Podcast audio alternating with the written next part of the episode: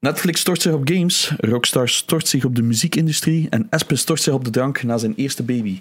Welkom bij Gamecast, de enige echte gaming podcast die alle showcases negeert. Welkom, mijn naam is Janox. Ik ben zeggen, Ik ben Espe. We worden dat naar elkaar aan het kijken. We worden, ja, we worden zo naar elkaar aan het kijken van...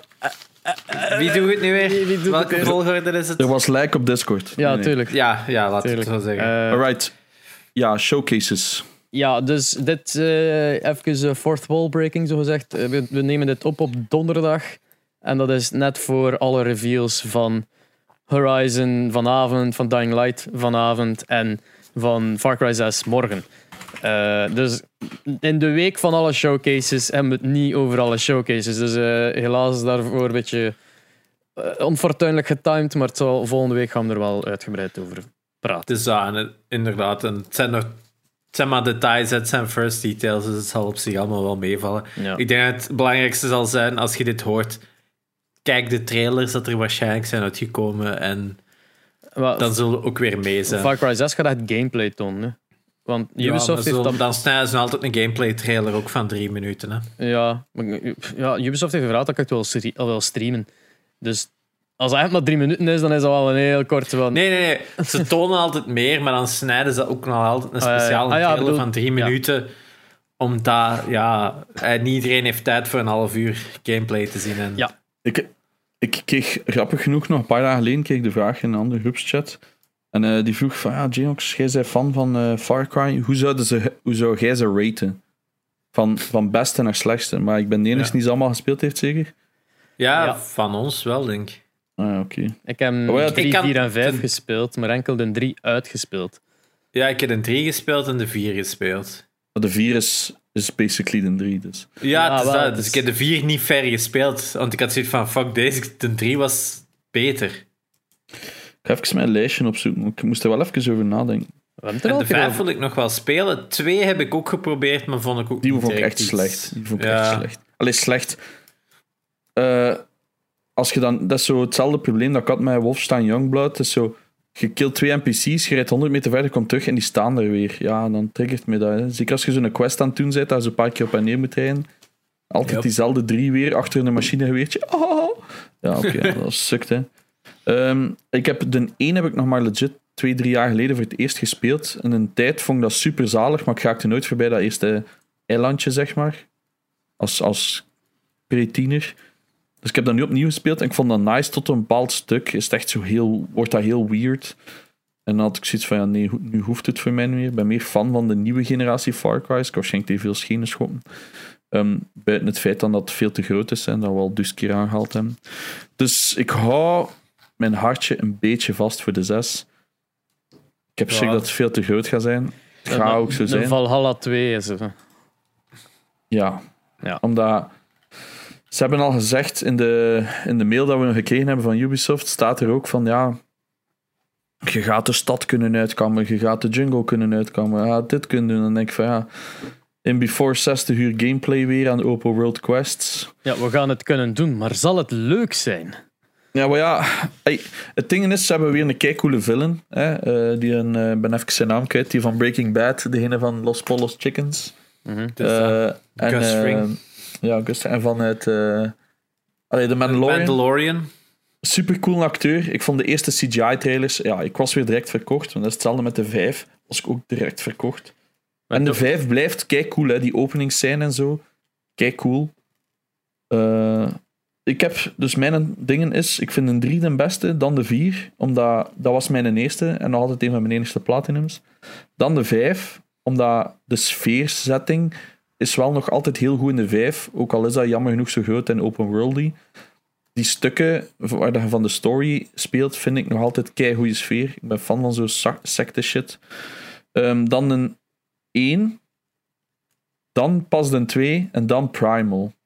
Primal En is... New Dawn. Ja, maar dat is eigenlijk gewoon een DLC. Hè. Blood Dragon. Ah, oké. Ja, maar ja, Dra- Blood Dragon is ook zo'n DLC van een 3. Mhm. Dus daar reken ik niet echt mee. Ja. Nu dan vond ik trouwens ook redelijk teleurstand.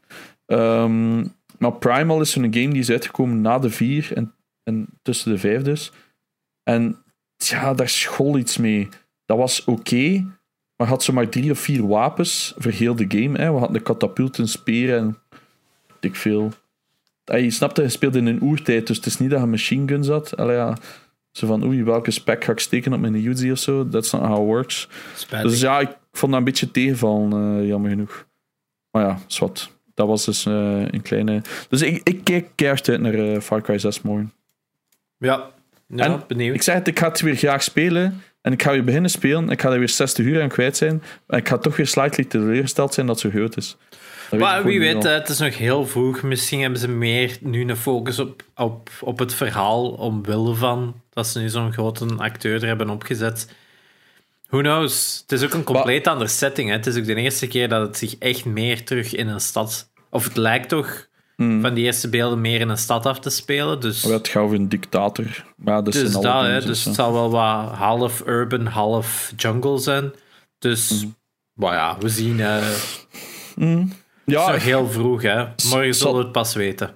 in een eerste announcement hadden ze toch ook gezegd dat ze niet meer het, zo de subquests, eh, sidequests, dat wouden ze niet meer. Het ging zo nu allemaal mee in het verhaal passen of zoiets. Hadden ze dat ook niet gezegd over Assassin's Creed Valhalla? Ah, wel, maar ik denk dat ze het hadden gezegd over Far Cry 6. En dat iedereen dacht dat dat ook op Valhalla was. Dat ben ik nu Ja. niet zeker. Het is dat, want bij Valhalla was het dus een complete leugen. Ja, dat was gewoon puur sidequest. Zwat, morgen eh, meer op Discord. inderdaad. En ehm, over de showcases gesproken. We kunnen er dus wel over twee spe- spreken. Dat is de Sonic en de Dragon Quest eh, showcase. Ehm, omdat Sonic heeft zijn 30th anniversary en Sonic heeft... Ah, wat zeg ik? eh, Dragon Quest heeft zijn 35ste eh, anniversary. Het, dit jaar het heel veel 35 anniversary, hè, want Kid Icarus, eh, Zelda, Metroid en Castlevania vieren allemaal ook een 35. Maar ja, Wat, een jaar, niks- 86 jongen. Wat een jaar. Ja, en volgend jaar is dan ook weer eh, Mega Man onder andere en zo is dan ook 35. Dus eh, zijn er eh, 87 ook nog zo een paar eh, zotte Jezus. titles. Eh, maar dus, eh, Sonic eh, Showcase, ik en Espen hebben het er straks even eh, samen zitten kijken en het was pretty bad. Het, het was eigenlijk bijna niks. Hè. Ja. We weten dat Sonic, Ma Tails en Knuckles naar Two Point Hospital komen. Waarom? Eh, het gaat ook in Lost Judgment zitten en welke game was dan nog dat het ook in ging zitten? Het was Ja, zo shit dat ik nog nooit van hoor. Dat, eh, ja, het was, het was zo meer. Sonic gaat in andere dingen zitten. En dan, Spelen. wat, komen- wat gaan we zelf maken? Nog eens een collection van de originele titels. Dat hebben we al niet tien keer gezien. En dan de re-release van eh, Sonic Colors. Wat nog altijd een 3D Sonic is, dus dat is ook niet zo geweldig. Ik denk dat we allemaal wat meer zaten te wachten op Sonic Mania 2. Ze hebben wel een teaser gegeven van letterlijk twee seconden over de nieuwe 3D Sonic. waar dat dus er het was eigenlijk- valt te zien, want het was puur CGI van zijn voetjes. En dan vanuit dat. de hoogte top-down dat je zo de blue streak ziet en zo. Alright. Ja. En dan maakte hem een raar symbool en dat is het dan. Ja, Ja, 2022, dus... het is is dat. dan, We hebben dus geen remaster-versie van Sonic 06. Wat heel spijtig is, want ik had echt gewoon... Ik, ik had dat gewoon ironisch geweldig gevonden als gewoon Sega had gezegd van... We hebben er naar geluisterd, hier is hem opnieuw op PlayStation 5, PlayStation 4. We hebben niks veranderd. Het is exact dezelfde game. het slimme... Even buggy. Ja, het slimme zou zijn natuurlijk een remake met een engine die marcheert. Maar, Nope. maar het zou grappiger zijn. Moest het letterlijk een emulatie zijn on de zo. 360-versie of zo. Ik zou dat hilarisch hebben gevonden. Omdat langs de andere kant, ik denk de fans van Sonic dan nog zouden zoiets zijn. fuck it, I'll buy it. Dat is zo'n weirde franch- eh, Ja. fanbase. Heel veel Christians ook blijkbaar. Dat is zoiets van. Je hebt zo heel veel ehm, fanart en heel veel World Tour 34 eh, van eh, Sonic. En blijkbaar is er zo een consistentie daar. Heel veel Christians. Ah, Sonic, dat is oké. En je vindt dat altijd terug dat er dan zo repressed thoughts in hun fanart van Sonic zit. Dat is heel bizar. Gotta heel bizar. fast. Ja, dus eh, Sonic is wel geliefd bij de, bij de, ja, de Amerikaanse Christians. Dus Bro, eh, dan weten we dat ook. Hè. De wedergeboorte van Jezus of zo als blauwe, blauwe egel. Ehm, maar daarnaast dus ook nog de showcase van Dragon Quest. Eh, ik heb er niet naar gekeken, want het was mega vroeg vanochtend. Of mega laat gisteravond, we moeten het zien. Maar het was wel cool, want er is een nieuwe Dragon Quest aangekondigd. Dragon Quest 12, met niks van geweten, maar super cool logo. Het ziet er zo wat ruwer en wat... Ja, wat meer, post, zo wat meer gritty uit Minder dan de andere. Ja, het is dat. Ik, ik vond van, oh, het is wel een chic logo. Het is zo, is iets anders. En dan gaan ze ook Dragon Quest eh 3 eh, re-releasen als een 2.5D. Dus een beetje gelijk Octo- Octopath Traveler, maar met de sprites van de Super Nintendo remake. En het ziet er super chic uit. Het is echt zo... Ik vind het mooier zelfs dan Octopath Traveler, omdat zo... Het heeft zo veel meer gemodeld dan zo dat voxel-stijltje van ehm Octopath. Het is echt wel een schone remake. Ze hebben toch... Is dat niet de engine? Die, ze- hebben ze niet de engine van Octopath Ja. Traveler, Ja, gebruikt? Dus Dat ja. wel, want dat is allemaal Square Enix, hè, dus eh, dat zal dezelfde engine zijn. Maar ik vind het ik vind persoonlijk wel iets mooier dan eh, Octopath, maar ik vind gewoon de, de sprite-stijl is ook mooier van Dragon Quest. Die Akira Toriyama-stijl is altijd wel heel chic vertaald in, in Dragon Quest. Dus op dat vlak ben ik wel... Denk ik zeker dat ik hem ga oppikken als hem uitkomt. Ziet er echt wel eh, goed gemaakt uit. En ik denk Dragon Quest 3 wordt over het algemeen zo een van de meer favoriete games. En dan voor de rest waren er nog wat updates van wat titels die voornamelijk voor de Japanse markt zijn. Dus daar kunnen we niks over zeggen. Dat interessant is. Maar ja, dat is denk ik hoe dat je dat moet aanpakken. Ehm, in tegenstelling tot eh, Sonic en in tegenstelling tot... Of ja, Sonic heeft wel dingen aangekondigd voor de fans, dus het zal wel goed zijn. Maar voorlopig van Metroid, Castlevania, Zelda en zeker van Kid Icarus hebben we nog niks gehoord voor hun anniversaries. Dus ik ben benieuwd of we daar eh, dezelfde treatment zouden krijgen. Voor Metroid zeker zou ik toch iets verwachten van re-releases, want Maar Zelda, Ja, Prime. Zelda is, een- is toch al geweest, de 35 dingen, aankondigingen. nee, nog altijd geen echte De Skyward direct... Sword... eh, Skyward Sword is het enige dat ze hebben aangekondigd, maar dat valt daar nog altijd een beetje uit. Ik denk fans zitten nog altijd te wachten op een Zelf niet de 25ste verjaardag? Eh, ja, Skyward Sword is destijds van de 25e uitgekomen. Ja. Ja. maar er is nog altijd niks aangekondigd van eh, bijvoorbeeld een 3D Classics, gelijk dat we dat met Mario hebben gezien. Mensen verwachten nog altijd dat de 3DS-games geport zouden worden naar Switch, want eh, de 3DS-remakes zijn veel beter dan de originele, vind ik. Eh, meer daarover straks. En ehm, ja, Breath of the Wild 2 hè, verwachten ook nog altijd mensen keihard veel. Hè, dus Ja. Ik herinner mij dat eh, de Super Mario 35 van vorig jaar ook heel teleurstellend was voor velen. Omdat dat, ja, het was zo... Wat was er aangekondigd? Like, Super Mario 35, de, de een online game. En... Oh ja, de, de Game, Game Watch. Watch, Bowser's eh, Ah ja, die Fury. DLC, juist ja. En dan eh, de 3D Classics. Dus er waren wel vier Ah, titels dat toen. Dus op zich mogen we niet klagen daarover. Dus als we hetzelfde zouden krijgen bij Zelda, zou dat wel heel cool zijn. En Zelda 35 zou wel eh, lichtjes hype zijn. Hè? Als ik Zelda een, een, een 3D collection maakt, Ja, ben ik gegarandeerd eh, dat ga ik Twilight Princess, Ocarina of Time en dan zo en Majora's Mask en Wind Waker er alle twee niet op zo. Dat ik is nog dat, iets ik anders. denk als, letterlijk, ik denk als ze het zouden doen, ga het enkel de Wii U titles zijn. dus Twilight Princess en Wind- Waker. Ja. Ja, Shit. want ik zie ze eerder een aparte collector uitbrengen van de 3DS re-releases. Yikes. Eh, Ja, het is dat, ik zie ze geen vier titels in één box steken. Ik zal het zo het, het zeggen. ding is, zo'n een, een, een, een tweede re-release, re-releases doen, eh, gaan, ze, gaan ze niet aan beginnen, want het- ze zijn ze allemaal aan het remaken. Link's Awakening is Dus zo'n dat- mega zalige remake gehad. Link to the Past misschien een remake? Dat zou wel heel cool zijn. Als dat een Link's, Link's Awa- Awakening... Alle Link to... Oeh. Dat zie ik nog wel gebeuren. Zie ik nog wel gebeuren. Maar wat ik zou verwachten is dus een Mario 35, hè, de game.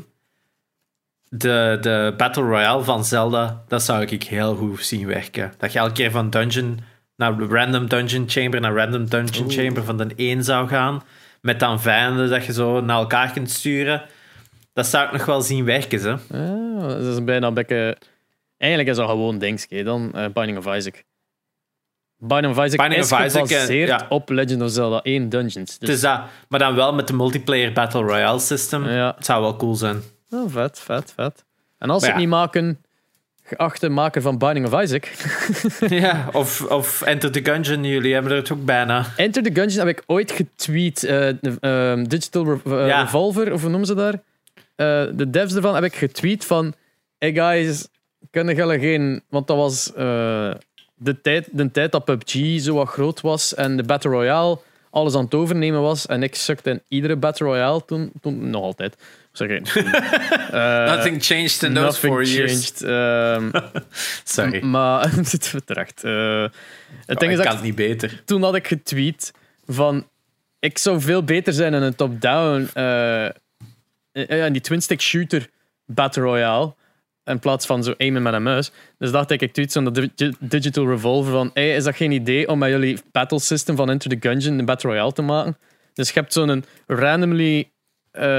want het is een roguelike. Enter the is een randomly generated dungeon waarvan dat kamers langzamerhand donkerder worden dat je effectief naar het midden geduwd wordt. En eh, uiteindelijk kunnen ze zelfs eh, per, per eh, spelers gewoon de deuren sluiten totdat er één overleeft. Zo, dat zou ook nog vet zijn. Eh, maar wat, ja. Ja. gewoon het, het feit, die, die, die aantal guns in Into the Gungeon, die, die, die gameplay, Ja. die, die dodge die daarbij zit, dat zo door bullets kan gaan. De, de, variëteit, de variëteit in al, alle wapens is gewoon zo... Zelfs als die daar gewoon een four-player Towerfall of zo van zouden maken, zou het al leuk zijn. Hè? Inderdaad. Maar er zit zoveel meer in. Het feit dat dat maar één game is en dan de, dat de sequel iets anders gedaan heeft, vind ik zwaar teleurstellend. teleurstellend. Maak daar een Battle Royale van. En er bestaat zo'n top-down Battle Royale like in zo'n IO-game. Zo. Gelijk dat je Krunker hebt-. Heb je ook zo... Maar, of, of meer like Slither.io en dergelijke. Of meer die type games. Heb je ook... I can't remember hoe dat noemt, maar het is een top-down, getekend in paint, precies, shooter, waar dat je twin-stick eigenlijk hebt, maar gezien dat het een browser is, is het gewoon met muis en een keyboard en trekt op de bal. Dus Ah, ik zou het zo graag hebben. Maar ja, zwart. We zijn serieus uitgeweken. Ja. Sonic Colors Ultimate en, en een paar animatiefilmpjes. Hoera. Ja, inderdaad. Ja, daarom zijn ook nog niet eens iets van getoond. Een nieuwe animatiereeks van eh, Sonic al een jaar geleden of zo aangekondigd. Nog altijd niks van beelden getoond. Dat is wel spijtig. Ze zijn waarschijnlijk zo aan het werken aan ene met een lelijke versie van Sonic, zodat dan ze weer kunnen hypen dat hem er weer goed uitziet. Ah, dat is dat. Ook niks over een nieuwe film gezegd of zo. Eh, dat ze nog niks van teaser of zo hebben getoond voor die 30 jaar. Maar ja, Maar ja, ze zeggen dat... er nog wel meerdere dingen gingen komen tijdens het jaar. Maar Ja, maar ik Ja. denk dat met de film hangen ze te veel vast aan andere companies. ja, dat is waar. Maar ik Dat zou is- dat toch proberen samen af te stellen. Ik zou het zo Ja, zeggen. ja, het, ja. Toch, er stond vijf seconden van Jim Carrey of zo. Maar die film is nog altijd zin. Hè. Ik heb hem opgezocht waar dat ik hem kan bekijken. De enige mogelijkheid is eh, YouTube kopen voor 6 euro. Uh, Ja, I might zo do it. I might just do it. Like, ze gewoon. Ja, misschien euro. kun je ergens een Blu-ray al voor die prijs bestellen. Check eens op, op Mediamarkt of zo. dan is- like, Blu- als er een collectie is dat ik niet aan wil beginnen, is Blu-rays. Alhoewel, misschien kan ik hem kopen en dan geven aan Janox. Like, Dat is ook Ik waar. was juist aan het denken, oh, wat moet ik doen? Wat- waar ben ik ook aan begonnen? Ik heb ook zoveel Blu-rays en nooit tijd om naar te kijken. ik heb onlangs met een allee, onlangs, vorig jaar met een James Bond box aan u gegeven. Zo van, hier, Mhm. t- vang die stof, take it. Maar hij staat voor 11 dollar, de Blu-ray, op, ehm, op Amazon. Mediamarkt hem niet goedkoper. ja, waarschijnlijk. Is 9 euro bol. hè. Precies, 9 hè. euro bol. Allee, op. Eh, eh, I'll, I'll take it. Als we alle drie 3 euro leggen, kunnen we hem ook zien. Ik heb hem al gezien. Ik heb hem zelfs in de Oké. cinema gezien. Ja, ik had hem, ik had hem graag in het cinema gezien, maar het was eh, net eh, randje lockdown. Ja, 10 euro bij, bij Mediamarkt. Het is nu 5 voor 30 bij bol.com. Ik ga even kijken. Tot zoiets, Janox. Ja, Ah, doe maar. Oké, we gaan anders beginnen aan het nieuws. Eh, Yes. Ja. Er zijn nieuwe beelden van Uncharted. Eh, officieel gereleased is een, een, een, eh, Oh, een still frame van eh, Mark Wahlberg en Tom Holland. En iedereen is een klein beetje teleurgesteld, want Mark Wahlberg, die dus eh, Sully speelt, heeft geen snor. Het ziet er letterlijk een film uit waarin dat young Drake met old Drake aan het omgaan is. Het is heel raar. Mm. Het is heel raar. Ja. Ehm, het is zelfs bijna dezelfde kleren. Het is zo van, is dit zo time warp thing? Eh, maar Mhm. ja, nee, het is, het is inderdaad het is heel jammer dat Wal Wahlberg... Wal- Wal- Hij gaat, wel, hij gaat wel een snor hebben tijdens de film. Hij heeft er ondertussen een gegroeid. En veel mensen zeggen van, ah ja, misschien dat dit een vroegere passage is of zo, of dit of dat. Maar, Maar dan, dan nog... dan zou Tom Holland- er- Ja, het ziet er gewoon altijd niet uit als Sully en Drake. Ja, het, Zelfs, zelfs Tom Holland geeft me die vibe nu niet, hè, in die Nee. shot. Eh, het, het was veel beter in die andere... eh, want dit is nu gewoon... Dat zijn like two guys die hun weg kwijt zijn in een kerk op weg naar school. Met een, met een Ja. rugzakjes aan. Terwijl dat als je de andere beeld nog herinnert, met zo dat, dat, Ja. dat beige hemdje met die eh, holster erover, die leren dingetjes, Ja. zo, die straps. Dat, dat was zo van, alright, ik ben mee. Dus dat. Dus ik- ik denk dat Het- oftewel, is, een van de twee beelden is een ongelukkige voor, vertoning van... of, allee, weergave van de, van de film. En ik hoop dat het deze is en niet een andere. Ik vind het dan gewoon raar dat ze dat als beeld hebben gekozen. Ja. Om te zeggen, ah ja, dat gaan we nu tonen als een van de eerste beelden. Ja, maar ze hebben, ze hebben ook bewegend beeld eh gereveeld, maar niet, niet aangekondigd.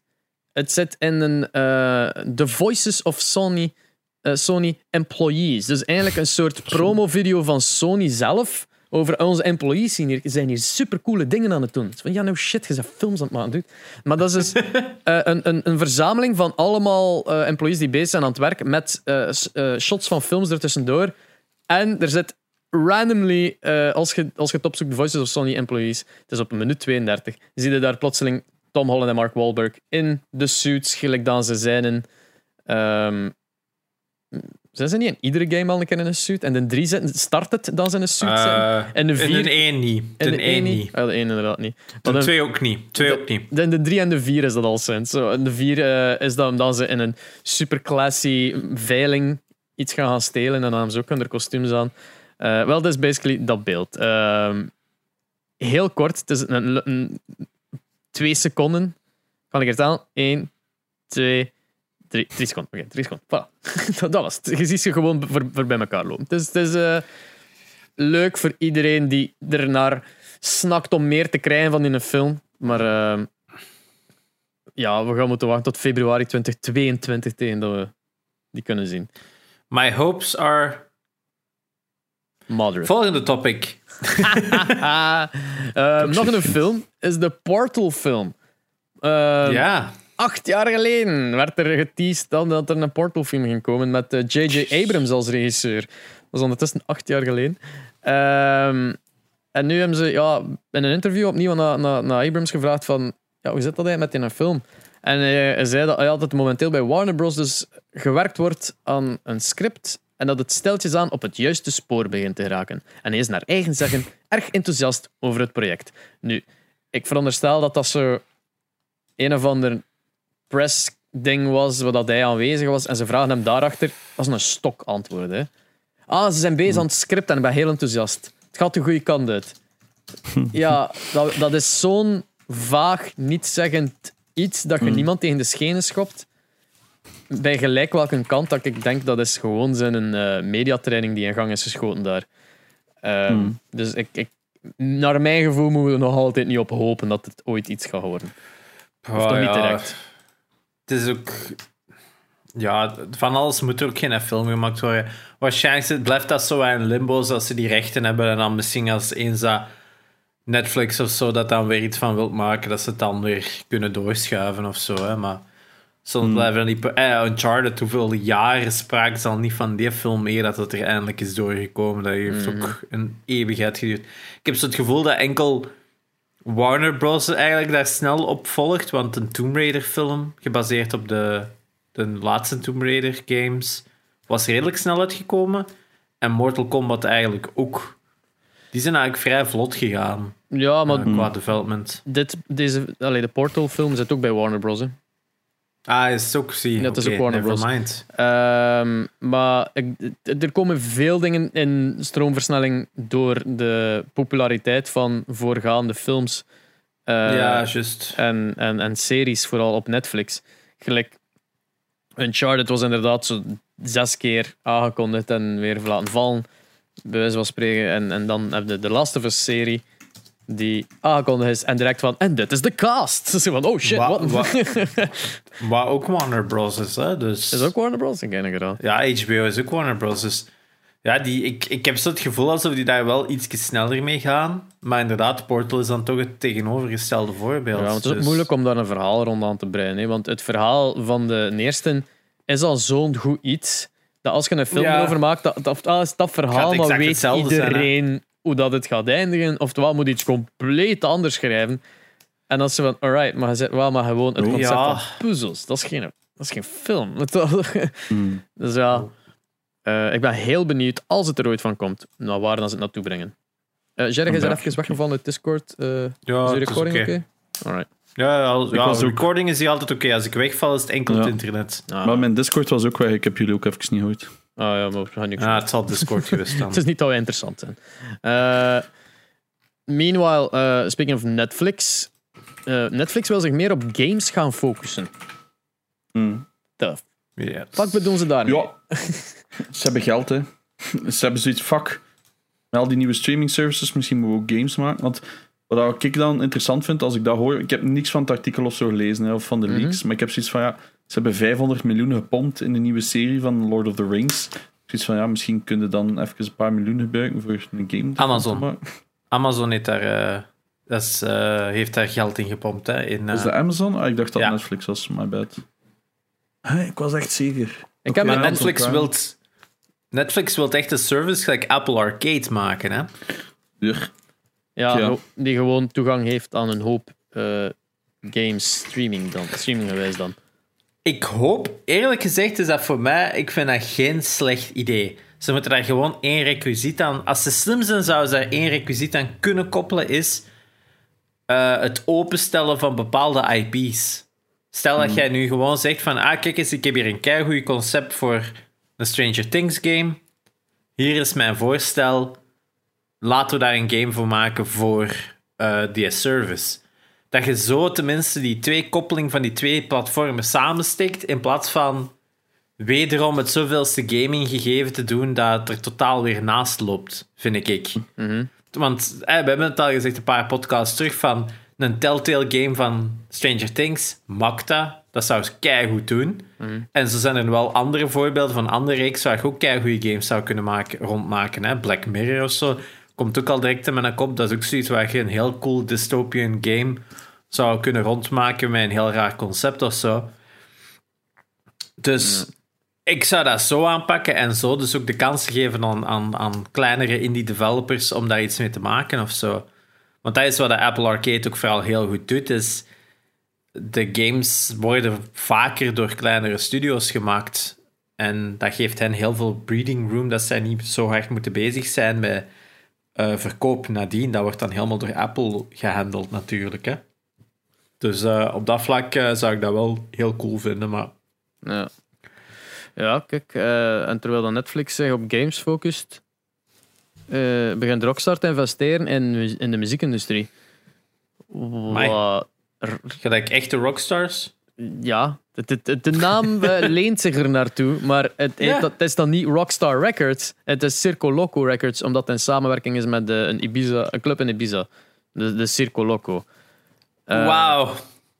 ja. Missed opportunity. enorme missed opportunity. Maar het is een heel, ja, het is een heel rare bedoeling, vind ik. Allee, als je als game-industrie begint te investeren in muziek. Om dan, ze gaan om de zoveel tijd platen uitbrengen. En dan, wat op 9 juli, een volledig album onder de naam Monday Dreaming.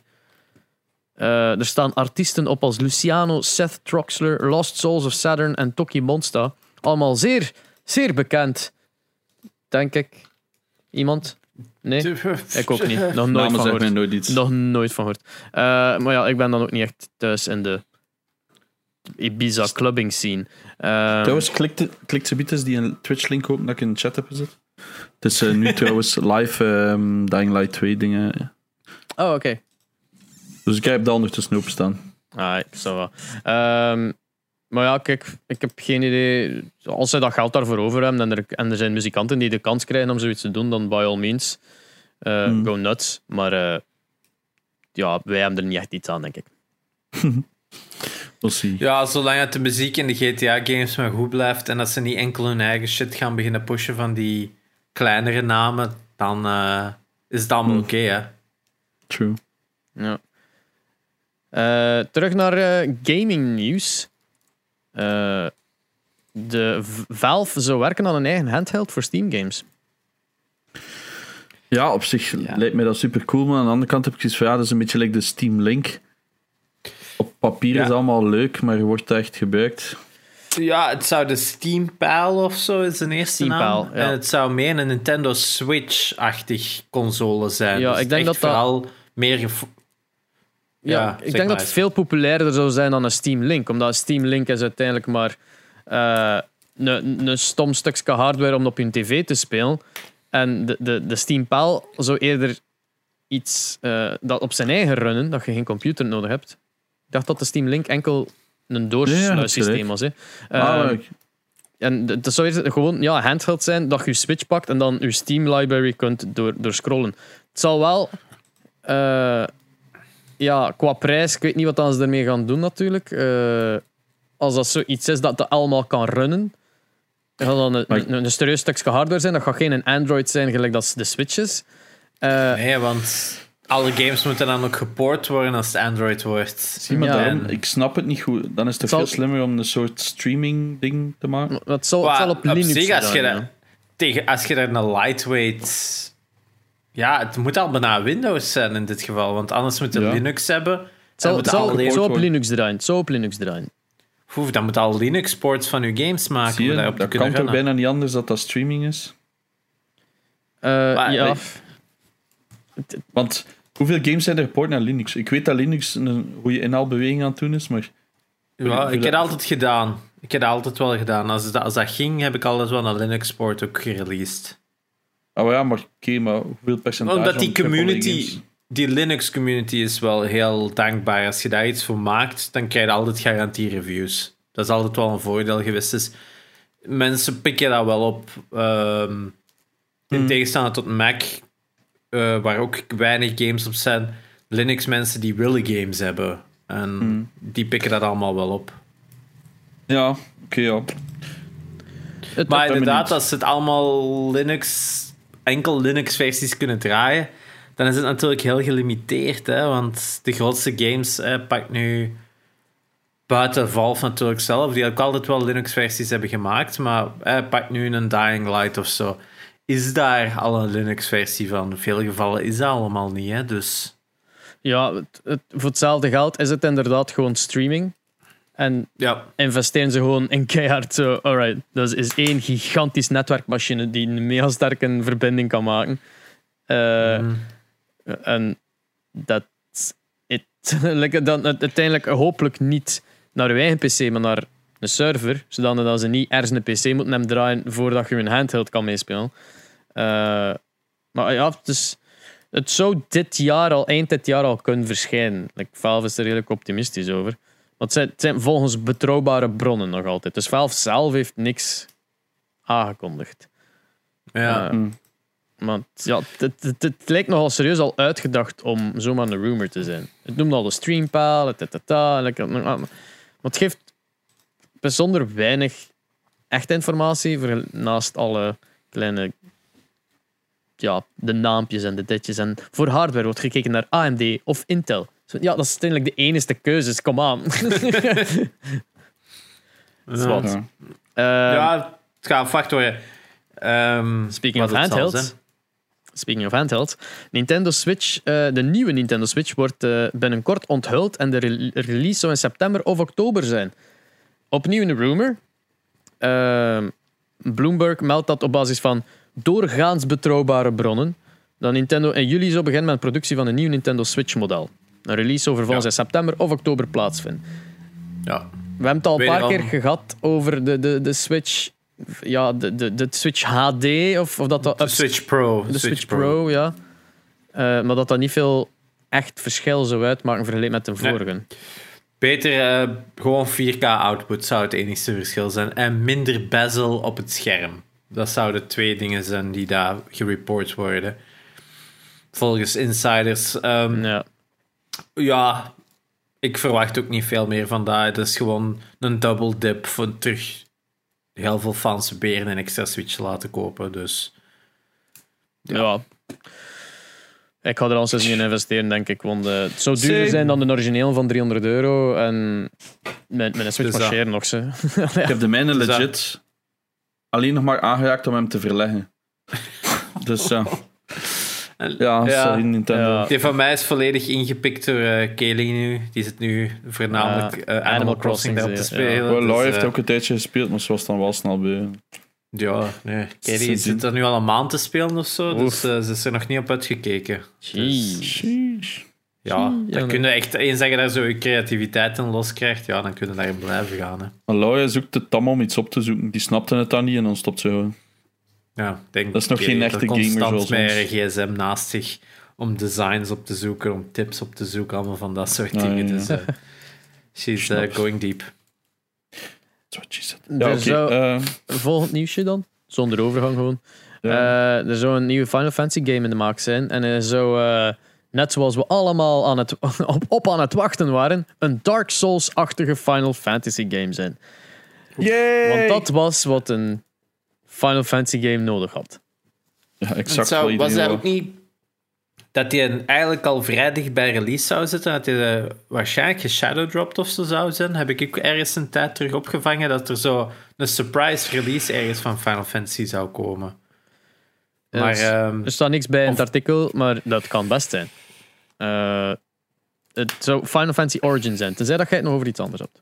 Origins heeft er al een, denk ik. Ik denk dat het de re- re-release was van de WonderSwan games op Game Boy en eh, PlayStation 1, dat die ook Origins heette. Dat is, eh, or- dat Origin, niet Origins. Oh god, dat weet ik niet. Dat weet ik niet. Ah. Dat ze zo zelf al vergeten zijn van, oh, we noemen het bla bla bla bla bla bla. Zo, ah ja, Ja. maar dat, we hebben dat al gereleased in 19 Want Final zoveel. Fantasy Origins is een PlayStation 1 game. Oh ja? En Origin zou dan inderdaad bij Team Ninja ook zijn. De mannen achter eh dingen, hè, achter. Hoe heet het nou weer? Ninja Gaiden? Zeker? Eh, ja. Dat is op Xbox, hè. Ja. Ja, ja, ja. Ah, en Allee, die hebben ook de Cydia gemaakt. Die een ehm three-party, eh, die een nieuwe 3 versus 3 versus game dat in arcades is uitgekomen en dan gigantisch hard geflopt is op console. eh, maar echt gigantisch hard geflopt. Ja, zeg Dus- nou iets. Ja, ja en zo, ook zo com- complete mismanagement. Totaal niet luisteren naar wat de fans eigenlijk vroegen. En zo aan, hier nog een DLC-character. The game is dead. Hier nog een DLC-character. Ja, echt zo. pff, En nu, en deze character komt naar Smash. No! No. I, we've been listening to your problems. Here another DLC.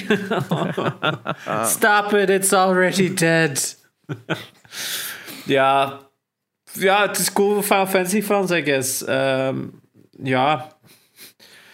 Ze zijn meer action-based aan het worden, dus een Dark Souls is dan de volgende stap. hè. Ja. Ja. Ja. But why? Ja, het blijft. het- uiteindelijk. Misschien is dat gewoon ook de strategie aan het worden voor Square, Square Enix. Eh, Plakt er Final Fantasy op en het zal wel meer verkopen dan als er niet Final Fantasy zou opplakken. Dat is zo een, een, een niet-zeggende monnik, hè. Dat is, een monniker, hè. Dat is zo... Final Fantasy games hebben allemaal geen verband buiten een paar heel subtiele elementen. Dus je kunt letterlijk gewoon een shooter pakken daar Final Fantasy op kleven en zelfs dat kun je dan verwant worden, want it technically all can be the same universe. Sheesh. Sheesh. Right, next. Ik ben door het nieuws al. Ehm, Dead by Daylight krijgt nieuwe DLC. Hè? Dead by Daylight heeft enorm veel DLC al gehad in het verleden. Maar dit was wel een redelijk coole DLC, want Leon Kennedy en eh, Claire... eh, nee, Jill Valentine komen naar Dead by Daylight en de Nemesis ook. En ik vond dat wel redelijk cool, want eh, Dead by Daylight is zo'n online multiplayer horror game van één speler tegen vier survivors. En elke karakter, elke film brengt wel wat nieuwe abilities. En ook zelfs de survivors hebben allemaal wat kleine andere abilities en zo. Dus ik vond het wel cool dat uh, die nu toch ook al characters beginnen te krijgen van andere franchises. Want ze hadden al zo wat bekende franchises, gelijk, wat is het, uh, horror dingen, gelijk Freddy vs. Jason of zo. Dat soort dingen. En nu dus ook uh, Resident Evil erbij. Dus ik vond dat wel een coole match om dat erin te steken. Hmm. En nog een ander klein nieuwsje dat ook voor in het begin van de week was uitgekomen, maar ook wel uh, heel cool was. Metro Exodus voegt uh, DualSense support toe aan de PC-versie. Dus als je je PlayStation 5 controller koppelt aan de PC, ga je dezelfde haptics en triggers support krijgen als een PlayStation 5 title. En dat is toch wel een klein beetje een deal changer, uh, een game changer. Want iedereen op PC bijna heeft wel een Xbox controller liggen. Hè? Hmm. Dat is toch wel iets of wat de standaard op PC geworden. Ook al kun je een PlayStation 4 controller even makkelijk hoeken, of zelfs in sommige gevallen zelfs makkelijker dan een Xbox controller. En zeker als je over wireless spreekt, maar zwaar. Maar met dit heb ik toch wel het gevoel dat het de hoeken van je PlayStation controller toch wel een extra ervaring is dat je anders niet gaat hebben als je met mouse en keyboard speelt. Oké, is een first-person shooter, dus misschien is het niet het beste game om te spelen met een controller. Maar als meer games gaan volgen, ja, dan zie ik enkel Microsoft nog meer gedwongen om de technologie van de PlayStation 5 controller over te nemen in die Xbox controllers. Want ja, anders verliezen ze ook heel de PC-markt dat ze al jaren hebben voor uh, hun controllers ook. En ik denk dat dat wel een serieuze slag kan zijn voor Sony. Ja. En Wat enorm is, want twee generaties terug was denk ik de DualShock 3 over het algemeen zo wat een van de meest gehate controllers aan het worden. In hmm. vergelijking met een 360, dat zo'n goede controller was. En dan de Xbox One was al goed. En de DualShock 4 was dan beter. En nu steken ze terug voorbij. Ik vind het wel uh, een goede comeback van Sony op dat vlak. Hmm. Ja, ze vroeger hadden console wars, nu hadden controller wars. ja, dus dat. en, je, en gelijk bij alles. En je hebt Nintendo. Met hun fucking. Soms hebben die, die, um, die jokes dat, dat ze schrijven dat, dat, je zo die memes dat je ziet van. Ah ja, eh, dat, dat mensen in de toekomst denken van. En zo zagen mensen eruit. En dan eigenlijk handen gebaseerd op de, op de basis van Nintendo controllers. Gelijk die derde arm van de Nintendo 64. Uh, eh, ja. Ik, ja, als je, als je een hand moet designen aan de hand van de Joy-Cons. En ook nog een droogte maat. Zo twee duimen en dergelijke. Allee, twee duimen dus per hand. De DualSense is even duur als de Switch Pro controller. Dat, dat hebben ze iets van. Nee, Nintendo. Dat, als er een groot verschil is qua kwaliteit en qua features, dan is het van: wauw, hoe kan, zo, hoe kan Sony dat zo goedkoop verkopen? Of eerder, waarom verkoopt Nintendo dat zo pokken duur, die controller? Ja, dat is toch gewoon. in de hand, hè? Ja, de Switch Pro Controller zit goed in de hand, het is dat. Maar het levert niet echt een extra. Ja, het is gewoon een goede batterij. Ik denk dat je daar vooral voor betaalt. Mm. Maar verder dan dat is het redelijk overpriced voor wat het is. Mm Ja. Uh...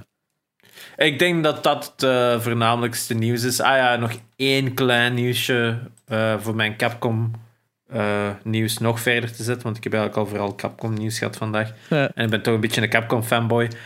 Dragon's Dogma zou een sequel krijgen. gemaakt in de Resident Evil engine. Wat wel een vrij goede engine geworden is. En Dragon's Dogma was... Hè, dat is al een game van god, 2011 of zo. Ik weet al niet meer van hoe oud dat is. Redelijk geflopt, laten we stellen. Laten we toch zeggen dat het niet enorm groot succes is. Maar over de jaren heeft dat wel een following gekregen, omdat het dan geport is naar PS4, geport is naar Switch, geport is naar PC. Heeft eigenlijk heel veel re-releases gekend. Gelijk elke Capcom game. En hebben mensen dat wel opgepikt als van, wow, dit is eigenlijk een heel slecht game, maar wel fun. Want het, het combat system zou heel fun zijn. En ook hoe je met je allies werkt en zo. Het had wel goede concepten, maar het was gewoon de uitvoering was niet 100% perfect. En mensen zagen daarom al jaren van, hey, geef deze game een sequel, want er zit heel veel potentieel in uw franchise. En ze zouden dus nu bezig zijn aan een sequel. Wat wij altijd wel tof vinden, zeker. Dat, dat we een paar weken terug zeggen met Days Gone. Ook een beetje geflopt on release, maar nu stel ik eens aan ze een audience aan het vinden. Dat uh, sequels bij zo'n games, eh, uiteindelijk Psychonauts 2 gaat waarschijnlijk dit jaar ook een sequel krijgen, 15 jaar na de originele. Je kunt altijd maar blijven hopen op sequels, laat het zo stellen, als je ze echt, echt wilt van bepaalde games. Nee. En als ze natuurlijk de moeite waard zijn. Right, ik denk dat we er zijn. Ook wel nieuws. Misschien. Dus eh, dat. Shroud zijn eh, nieuwe muis. Wacht. Janox Ik was mute. gemute. Ja. Ja. Ja, ehm, er is inderdaad een klein nieuwsje. Er is een nieuwe muis van Shroud ehm geleakt. Het is nog niet 100% zeker. De G305 wireless muis van Logitech. Eh, wie is Shroud? is ongeveer de meest gekende e-sporter ter wereld. Komt nu niet af met Ninja, dus op zich ook een e-sporter, maar die is meer gekend als eh, streamerpersoon. Shroud is de beste FPS-gamer ter wereld ongeveer. Eh, al een paar jaar. Die heeft ook zijn eigen lijn met Logitech-producten. en die heeft dus nu een leak van een nieuwe muis. ehm, which is really cool. Ehm, ja, Je hebt die ook, hè? eh, Die, eh, die muis dat hij nu gebruikt. ja, dus dat is de G Pro. Alleen, ik heb niet de Shroud version, want die was overal uitverkocht. Ehm, dat is ook, hij heeft trouwens de lightweight version. Ik heb de gewoon. Dus bij hem is het nog lichter. Maar ik vind dat niet zo aangenaam als dat te licht is. Ah, Ehm, ja, ik, ik ben benieuwd. is Eh, ik, de ben droom, nu, ik ben nu in een lightweight, zo'n in een cheese grader gewoon, van, eh, dat gekregen van Cooler Master destijds. Ik heb sindsdien geen andere muis niet meer gebruikt. En in het begin was het aanpassen van, oeh, dat is licht. Dat is wel cool, dat is fancy. En als ik nu ga overschakelen naar een zware, alleen naar een normaal gewicht eerder, vraag ik mij dan af, ga ik dat echt zo weer voelen van, oeh, wauw, dit is... Yes, muscle memory, hè.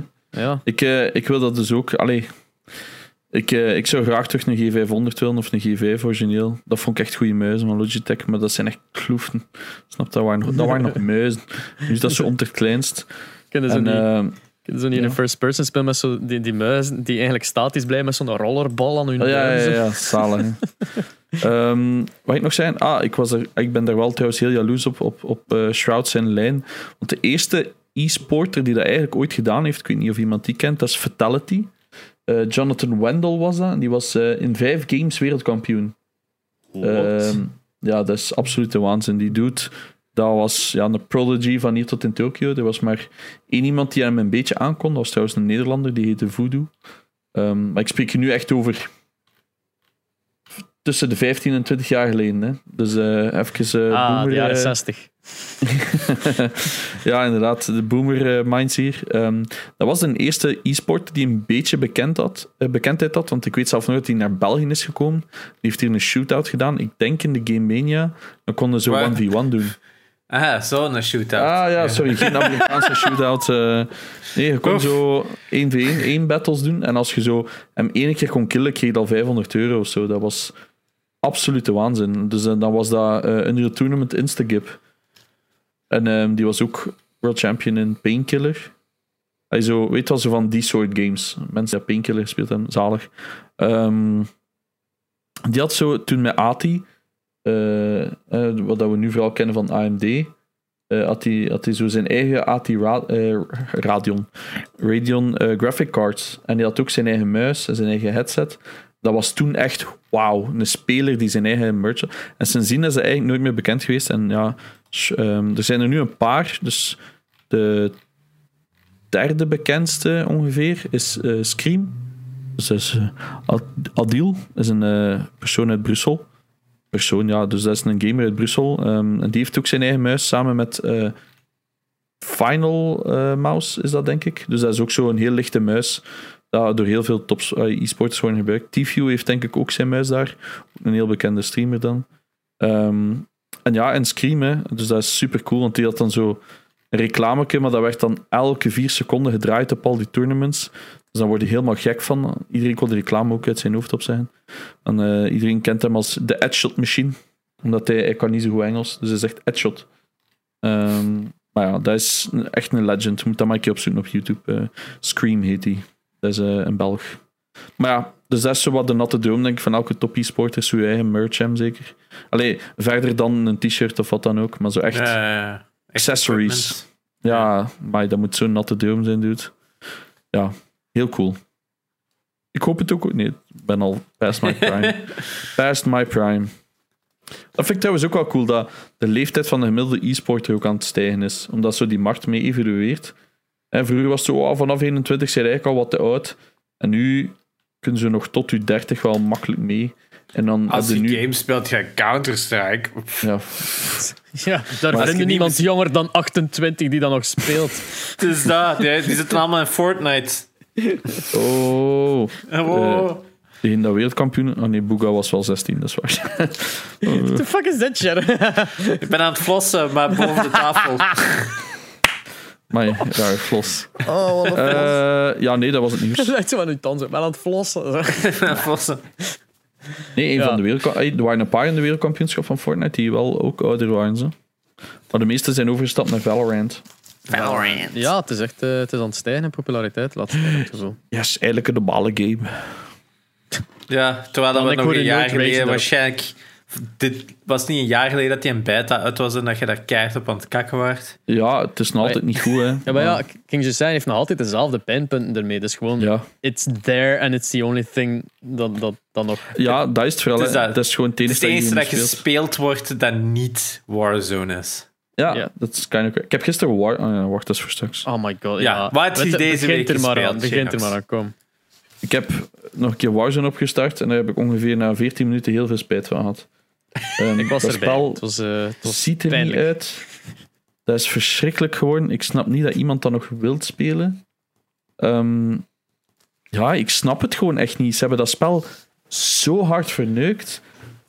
En je merkt dat ook. Ik denk van de eerste 20 mensen dat ik kan opnoemen die Warzone speelden, misschien één persoon nog een beetje speelt en dat is Abu. En die heeft ook elke keer eens, ik heb geen plezier erin, maar ja, daalt viewers. En ja, dat is sad, hè. Ik, ik, ik, de kleuren zijn verschrikkelijk, want hè, het is zo terug naar de jaren 80. De kleuren zijn zo verschrikkelijk, het is zo een of ander grijs palet geworden. Je ziet niks in de, in de verte, het is allemaal blurry. Ik dacht ook eerst dat een stuk van mijn settings la, maar blijkbaar is dat bij iedereen dus ook al redelijk blurry. Bij mij is het gewoon nog extra fucked up for some reason. En I don't get it. I don't get it at all. Het is totaal niet meer fun. Dus eh, ik ben ook overgeschakeld eh, fulltime bijna op Valorant. Dus eh, ja. En ik heb eh Days Gone een beetje verder gespeeld. Na onze opname vorige week heb ik verder gespeeld.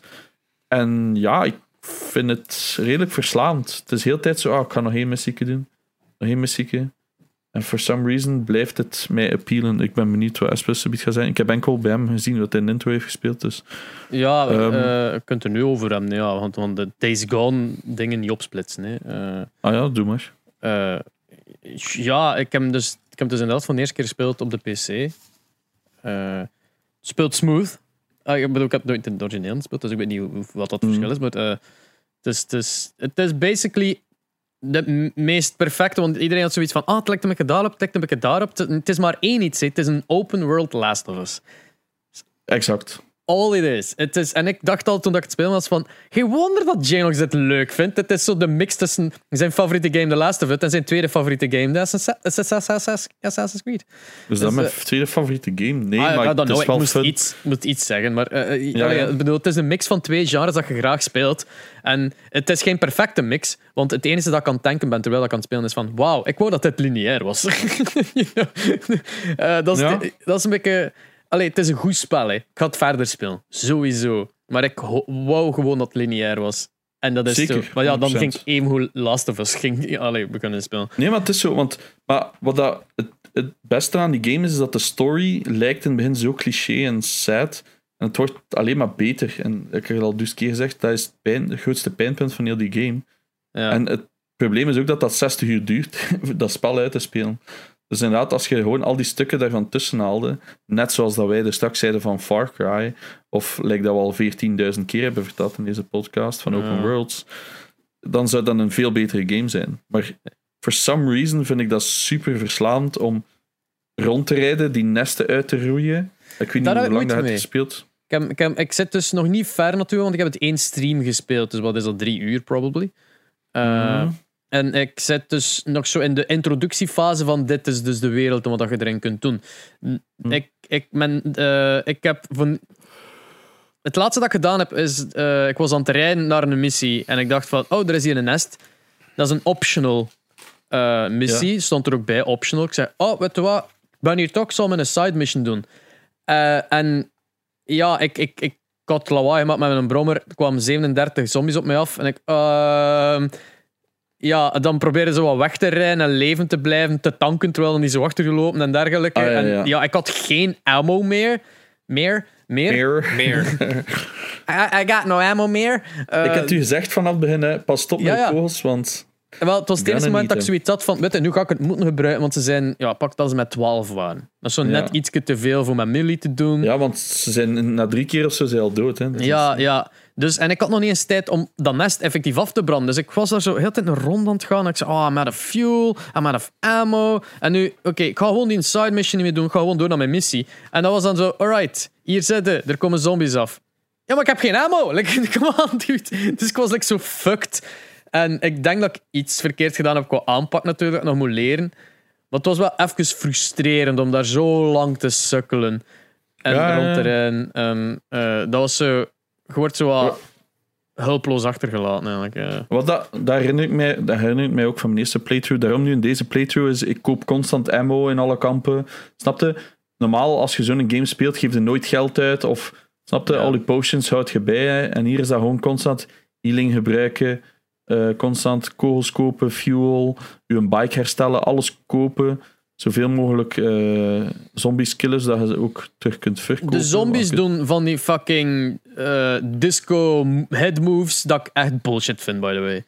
Dus je, je mikt op dat hoofd Ah ja, ja. En die waar, sensen- die dodgen zo. en ja. die sensen de- dat je mikt en die doen echt letterlijk dit. Ja, het is zo. Soms en ik als dacht die van, zo aflopen, fuck?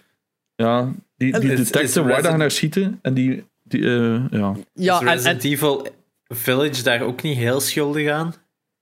is dat? daar herinner ik niet meer al. Ik had daar ook filmpjes van gezien dat dat in, in Village ook zo is, dat hij zo constant zo... Dat is zo hatelijk. Want Ja, ik, het ik, is- ben niet, ik ben niet de beste headshot-popper ter wereld. Ik ben geen screamer. Dus, dus ik, ik, ik, ik, ik wil daar zo op mikken. Easy now, easy now. Ze zijn in beweging. Of ik mik eerder op hoogte en ik wacht tot als ze erin lopen. Ja. En vanaf dat het erin loopt, is dan zo'n hup, handje ervoor en uit de kant gaan. Ik zeg maar, ja, Ja, maar nee, dat is... Ja, juist. Oh, dat was zo van, ja, maar deze is... Oftewel geeft mij plenty of bullets dat deze fun kan, oftewel maakt het iets gemakkelijker als afgeschoten worden. Maar deze was nu echt zo van... eh, ik, ik, ik heb hem eigenlijk gewoon constant één afgezonderd, afgeslagen en dan zo weer verder loopt dat dat er ene rapper was dan de andere, dan die afgeslagen en je loopt weg. Want er is altijd Oh, ja. ene die rapper is dan de andere in. Dus for some Ah, reason. Als ze met drie achter u zitten, is er altijd één ont- van voor en twee erachter. En dan slaat hij die eerste eraan en dan loopt hij zo wat verder. En dan is het zo twee rollen slaan, rollen slaan. En dan zijn het cheesen. En dan heb je het gevoel Ah, dat je de game verkeerd aan het spelen bent.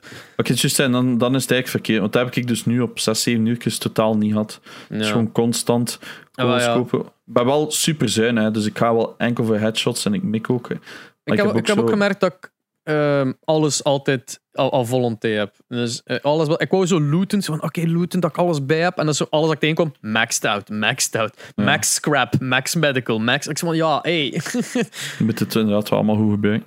En, en ik zit nu ook op de fase, hè, silencer op je sniper, dat je die camps al goed kunt clearen, zonder dat ze je detecteren en zo. Ah, dat, is wel echt, dat vind ik echt nice met die muis, want met zo'n fucking bakje mikken, dat blijft Ja. scheid. Misschien dat ik inderdaad te vroeg die een side mission moet doen en nog eerst zo een paar zo, is missies zo. doen, waardoor dat ik terug in die camp kom voor de, voor de tweede keer. Want ik heb nou ene keer daar langs geweest in een camp. Waar dat Ah ja, dus nee, je kunt dat allemaal eh, opnieuw doen. Ik doe dat ook, zeg. ik heb mij eerst gefocust op de main missions, zodat ik gewoon alles een beetje heb. En dan, Ah. zo, dan heb je zo die, die Nero stations, heb je, ik weet niet of je dat hebt gedaan. Normaal Nee. moet je dan in de Ja, ene, ene. Ik heb Ah, al ja. ene gedaan.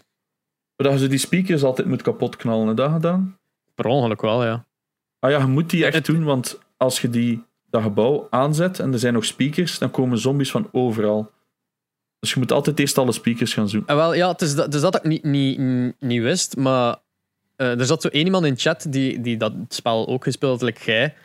Eh, en het, dat hem dacht nog van buiten weet, totdat hem begon de verkeerde dingen te zeggen. En ze van, ja, maar dat is in die tent daar. En er lag zo niks in die tent. Ah ja, wacht, het is een beetje lang geleden. Ik zei, maar wat dan wel? Maar dat was zo één die, ah, zich maar aan ik het die was zich aan het frustreren over het feit dat ik verdwaald geraakte en niet wist wat ik moest doen. En als ze, ja, tuurlijk, ja, ik snap dat. Als je een spel speelt hebt en je ziet iemand anders daarin klungelen, super Ja. frustrerend. Weet. Maar ik, ik voel me er ook niet echt bij geholpen. Dus ik was op zoek naar een, een, een- fuel tank voor, de- voor die generator. En eh, ik zei, ah, ik ga er een keer opklimmen. En ik zie daar zo gewoon een icoontje staan dat ik iets kan doen. Ik zei, ah, wat is deze? En hij snijdt zo die kabeltjes kapot van die luidsprekers. Ik zei, ah, dat is een ding. Dus ik heb per ongeluk het juiste ding gedaan met die speakers. Maar oké, blijkbaar is dat Maar dus het gevolg.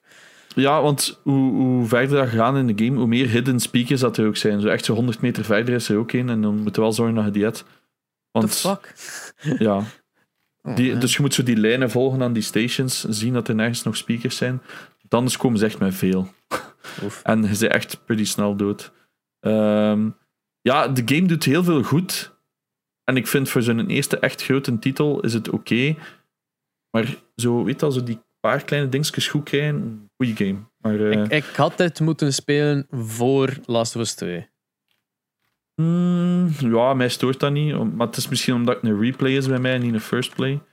Maar ik, ik, ik hou daar gewoon van, eens met je motto rondrijden. En gewoon wat, wat, wat missiekjes doen en, en ditjes en datjes. Ik vind dat wel comfy, zo die kampen wat worden met zo die, die dudes met de fucked up faces, die zo scars. Eh, Die zijn ook al tegengekomen normaal. Het, het, Eh. het ding is, allee, het stoort me niet. hè. En ik zei, het is niet, dus geen afbraak naar Days Gone. Ik, heb, ik geniet ervan. Ondanks dat zoiets is van, oh, weer een open world. Daar gaan we weer. Dat vooral, ja. Eh, maar het, het is en blijft voorlopig nog fun om de missies te doen en te ontdekken wat dat spel is. Dus zo, al- als het zo begint open world te- zijn, zoals bij die, die Assassin's Creed, dat je het gevoel hebt dat je meer grind en werk moet doen, omdat, je niet, omdat de dingen dat je moet doen, is niet meer plezant, dan, dan, ja, dan, dan, dan moet, ik moet ik echt moeten stoppen. Voorlopig is het nog plezant. Het ding is dat zo, Days Gone is van 2019, Last of Us 2 van 2020. Ehm, het is vooral dat de dingen dat Days Gone doet, heeft Last of Us 2 ook gedaan, maar ja, zoveel Veel verfijnder. hè. beter. Ja, Zoveel verfijnder. Anders. Ehm, gelijk dat, die, die, die stealth, de, de, de gedirecteerd worden, de manieren zoeken. Allee, het is zo, omdat het ook Mm. een lineaire game was, kon alles perfect gestreamlined worden hoe je het kan spelen. Misschien met meerdere opties, maar nog altijd. Alle opties zijn valid en je hebt iets cools dat je kunt doen. En je hebt extra opties en dit en dat. Terwijl dat, allee, gelijk een, zombie gijzelen van een klikker mee af te lijnen en dergelijke. Al van die zo. Ja. En in Days Gone heb je zo... ge- ge- gekruipt in een struikje, maar er is zo geen echte visuele... Allee, het kan fout zijn dat ik het nog niet weet. Gewoon, er is geen echte visuele bevestiging dat je hidden bent of niet. Zit ik nog in het lang gras? Ben ik, is dit altijd als lang gras? Dus soms is dat zo onduidelijk. Van, Ja, ja, ben ik nu hidden of niet? En dat is zo heel onduidelijk. Als van, ik, ik, ik, wil gewoon Last of Us 2 opnieuw spelen door dit spel. Ja, kan ik wel begrijpen. Hm. Ja, ik weet niet goed wat ik moet zeggen buiten van geniet wel van de main story en vooral leert zombies skippen. Zo van, ah ja, komt er tegen, oké, ja, ik ga dan nu die fight niet aangaan, ik ga gewoon verder doen. Oh ja, ik rijd er al altijd, altijd voorbij. ja, ik krijg ze wel voor de leut een keer tsch, omver zo, maar dat is het. Goh, ja, en anders gewoon alle main cutscenes kijken op YouTube, hè, dan weet je ook hoe dat eindigt. Eh, ik- iets dat ik overweeg om te doen met Returnal. Want Returnal, Ah, ja. ik, heb, ik, heb, ik heb het zo wel, ik heb niet gespeeld deze week, maar ik heb het wel al gezien hoe dat het speelt en hoe dat het is. Ik heb de game ervaren zoals hem te ervaren is, op misschien twee bossfights na. En dan van, is het nog de moeite om, om, om zoveel uur erin te steken om beter te worden, om dan die bossfights mee te maken? Naar mijn mening nu, allee, naar, naar mijn gevoel niet echt. Dus ik zou Mhm. eerder wel gewoon opzoeken wat dat de, de, de, de, de tweede ending is, wat dat dan de, de, de endcredits blijkbaar al is, na de tweede keer. En daarna nog een keer kun je iets speciaals doen in je run om de secret ending te hebben. Ik zou dat gewoon eigenlijk durven opzoeken, dat ik het zeg van, weet, ik hoef het niet meer te spelen. Ik heb het gespeeld. Ik heb het gehad. Ik heb de ervaring gehad. Er zit niks meer in dat spel dat mij gaat verrassen. Denk ik. En dat, dus daarmee dat ik het zo eerder opzoeken. Als ik nu dat opzoek en ik zie dat in de einde bossfight zo fucking episch was, gelijk de eerste, dat hij weer iets extreem anders doet, dan, dan, dan zou het mij, mij wel nog overtuigen om verder te spelen. Maar voorlopig, de eerste keer dat ik zo gewoon zou opzoeken. Ik heb dat nog niet, niet gedaan bij games, denk ik. Om het opzoeken hoe dat eindigt. Mhm. Ja, snap ik. Ja, Mhm. ja. Alhoewel, nee, Chrono Trigger. Dat heb ik gedaan met Chrono Trigger.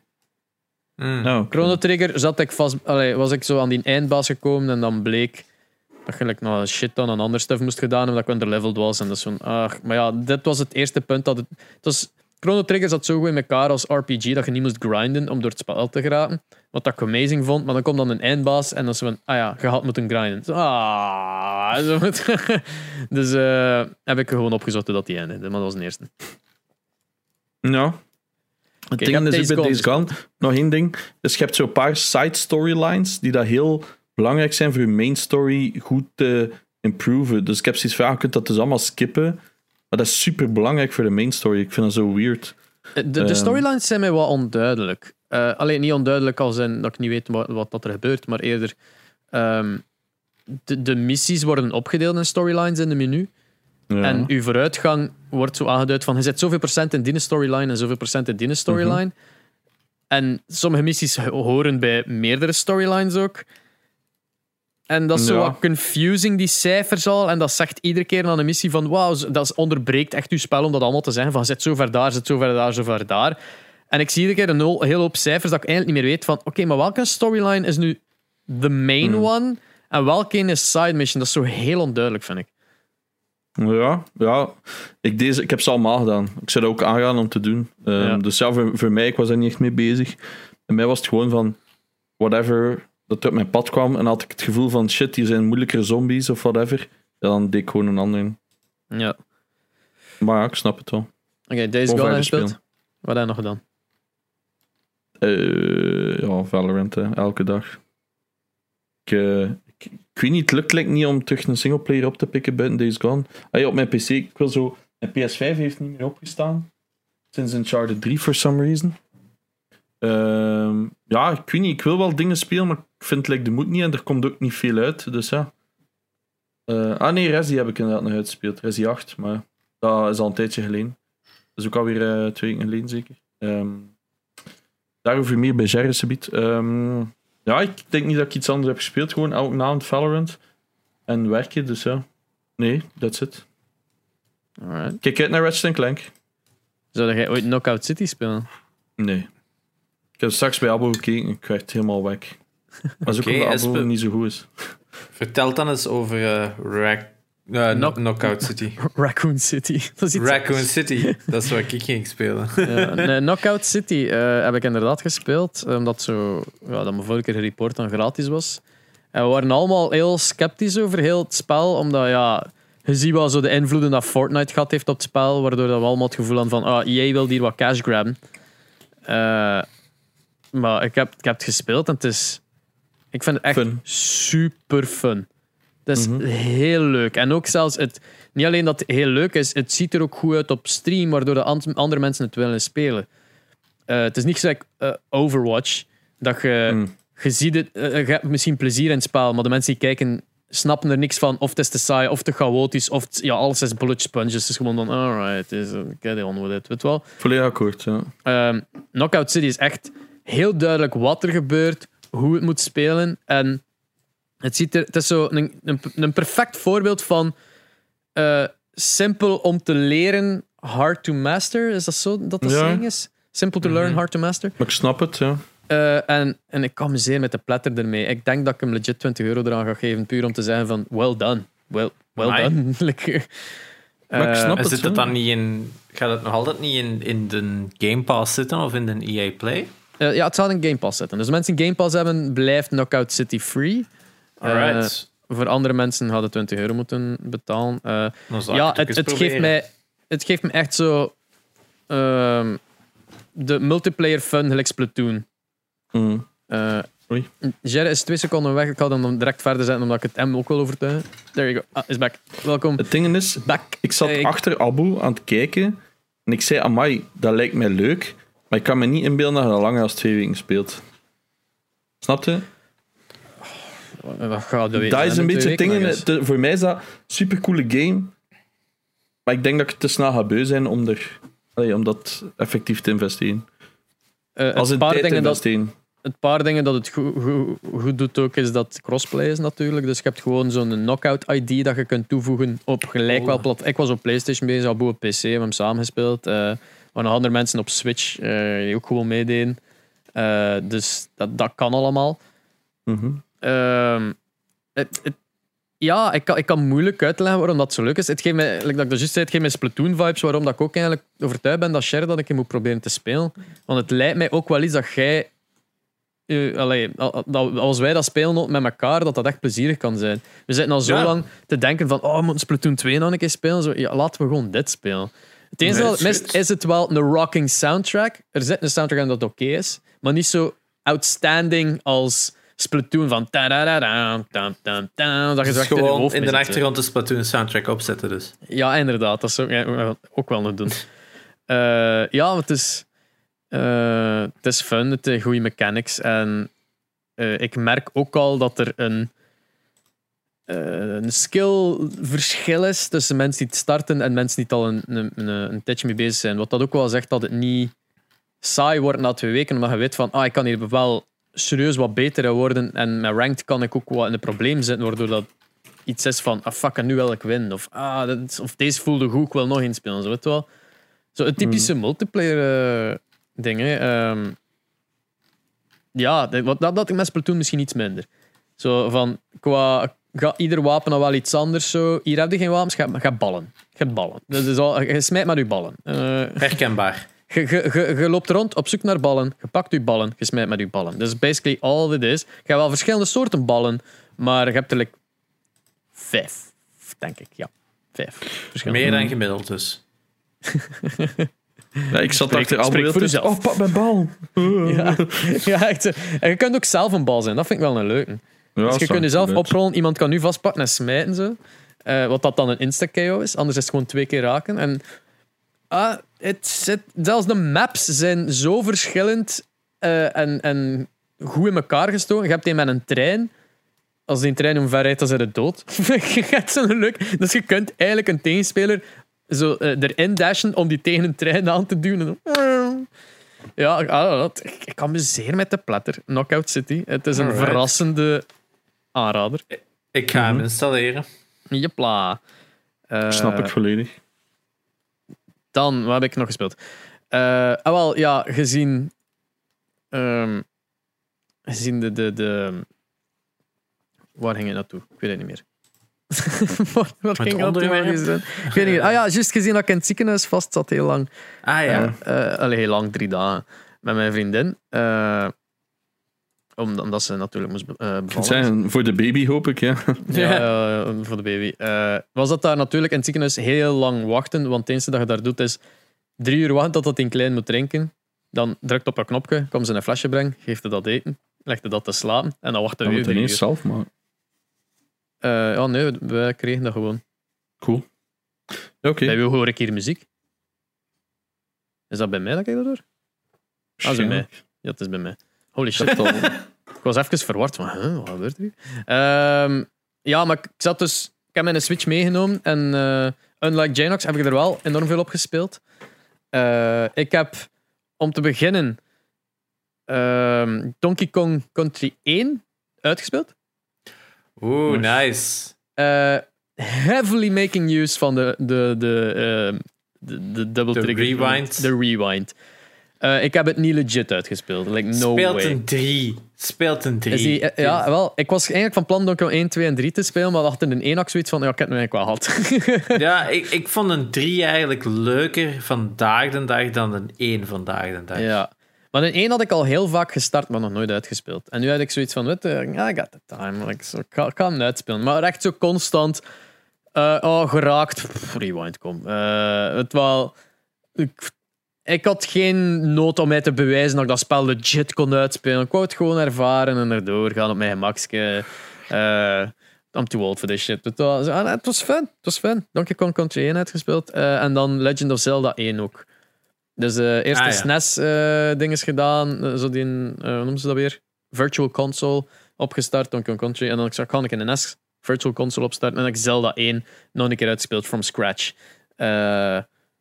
Ja, ik, ik, ik was verrassend veel vergeten dat ik toch even moest denken van fuck, waar lag dat weer? Een paar dingen dat ik dan wel nog wist. Zo van, alright, ja, die shop met die ring is daar. Die, eh, die een Master Sword ligt achter daggraf en dergelijke. Maar anderen dat ik echt zo moest van, oh fuck, which one was it? De, de, de rewind heb ik het meest gebruikt als ik op zoek was naar welke bush moet ik hier afbranden. Ah, ja. Ehm, Want je hebt zo'n hard container achter een bepaalde bush en dat is zo'n heel horizontaal scherm vol met bushes. Zo burn. En het probleem is, voor mensen die dat spel niet kennen, je hebt zo'n candle dat je een burn, dat je eigenlijk iets in een omgeving kunt verbranden. Er zitten een secret stairs achter, maar dat is met bepaalde bosjes maar. Maar je kunt in een candle maar één keer op je scherm gebruiken. En dan moet je je scherm verlaten, terugkeren en nog een keer proberen. En zien dat er dat twintig van die bosjes zijn dat je ze moet proberen van, ah, welke was dat weer? Is dat ze gewoon, alright, burn, nee. Rewind 2 seconden, burn, rewind 2 seconden, burn. En dat ging veel sneller dan heel tijd van dat scherm gaan en teruggaan. Um, ja, uh, de Ganon fight, fight was ik ook vergeten en het was heel easy.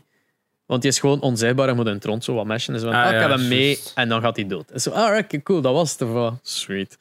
Uh, dus ja, cool. Zo'n klassieker, een paar klassiekers nog een keer uitgespeeld.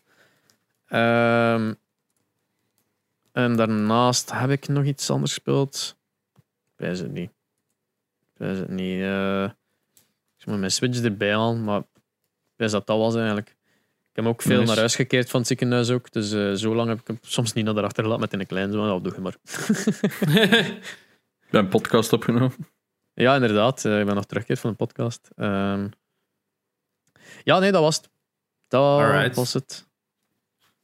Ah ja, Assassin's Creed, maar who gives a shit. Een DLC 100% ziek. Ja, een DLC had ik 100%, maar dat was vorige week al, dacht ik. Nu ben ik gewoon de story nog een keer door aan het pushen. Uh, ik oh, zit aan het laatste gebied. Uh, dus ik veronderstel dat ik bij het einde zit bijna. Uh, en dan moet ik in mijn hoofd nog proberen de knop om te draaien dat ik niet ieder bolletje ga doen. ja, ja, ja, zeker doen. Hey, gewoon, als je die story gedaan hebt, dan is het waarschijnlijk ook al wat meer ease of mind van. Okay, ja, is, dan, dan kan ik het Inderdaad, dan heb je het gevoel dat ik het kan neerleggen. Dus, uh. Alright. Jerry.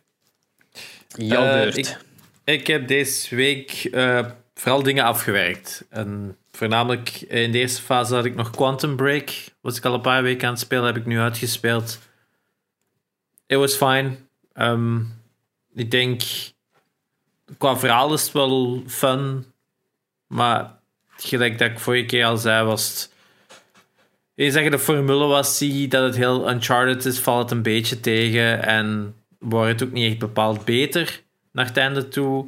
Dus uh, fine game. Ik denk ja, een 7 of zo, hè, als ik er een, score op moet plakken.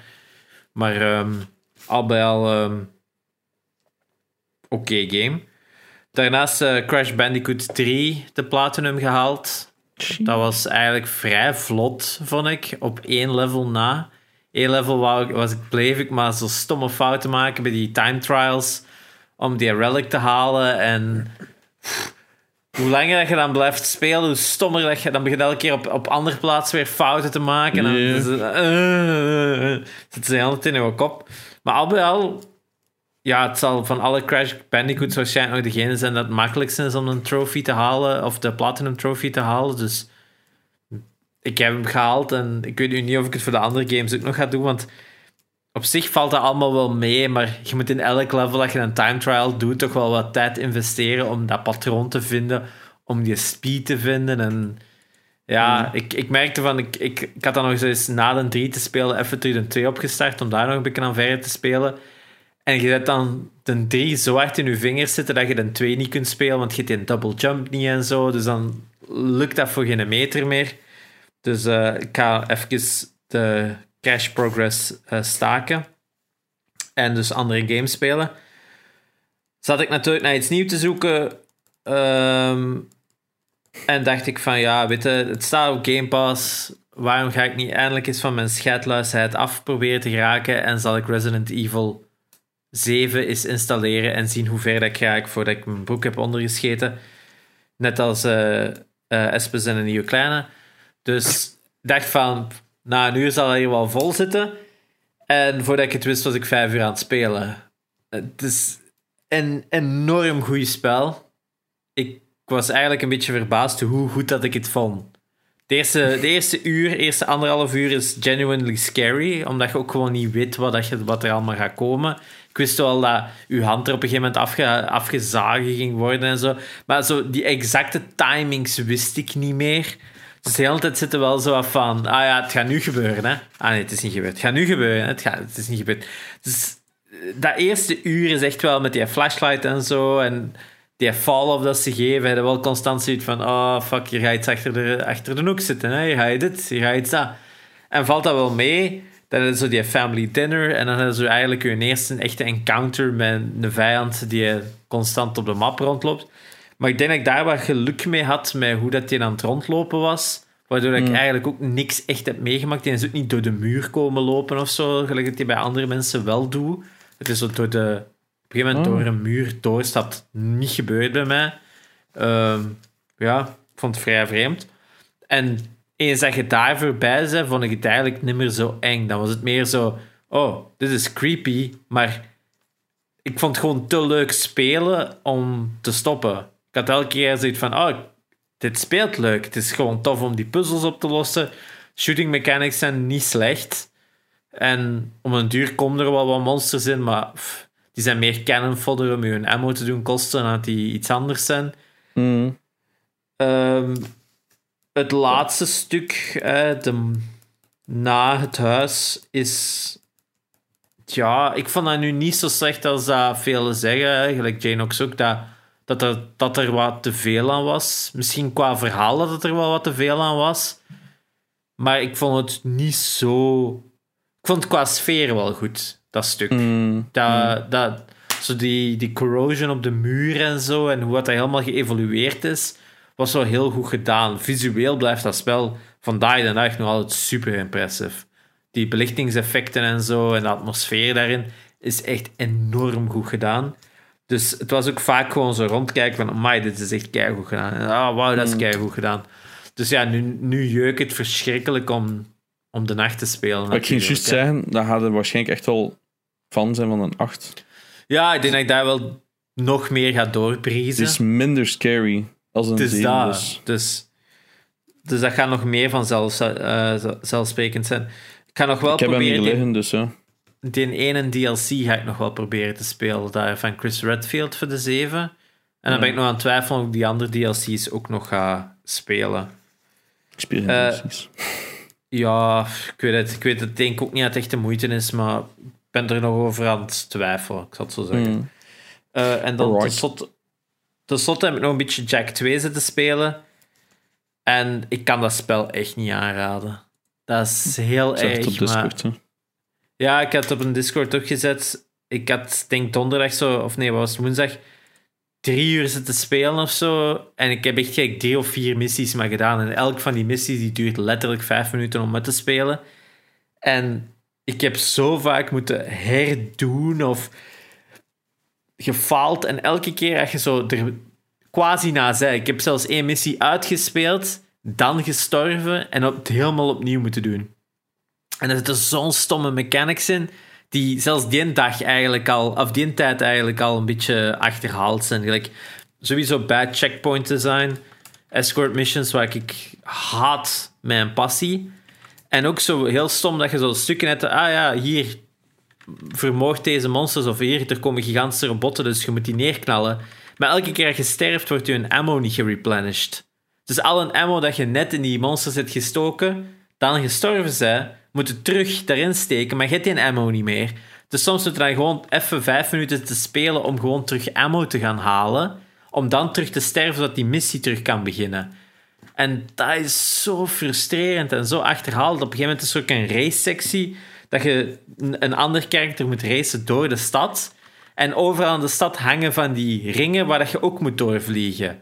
Nu, de vijand moet daar niet doorvliegen. Jij wel. Mist je ene, automatic fail, helemaal opnieuw beginnen. En het is een stratenrace, hè, dus ondertussen spawnen ze nog altijd NPC's. Als je daar tegen botst, vliegt je helemaal uit die tra- trajectory. En je physics, alles is onderstuur. Remmen duurt een half uur. Dus je mist gewoon kei makkelijk één ding en moet er weer opnieuw beginnen. En ja, zo zijn er nog andere race sections dat ook allemaal verplicht zijn voor de story. Dat gewoon meer frustratie zijn dan wat anders. Ik denk dat ik nu op 80% zit, dus ik, ik heb nog waarschijnlijk vijf uur of zo te gaan.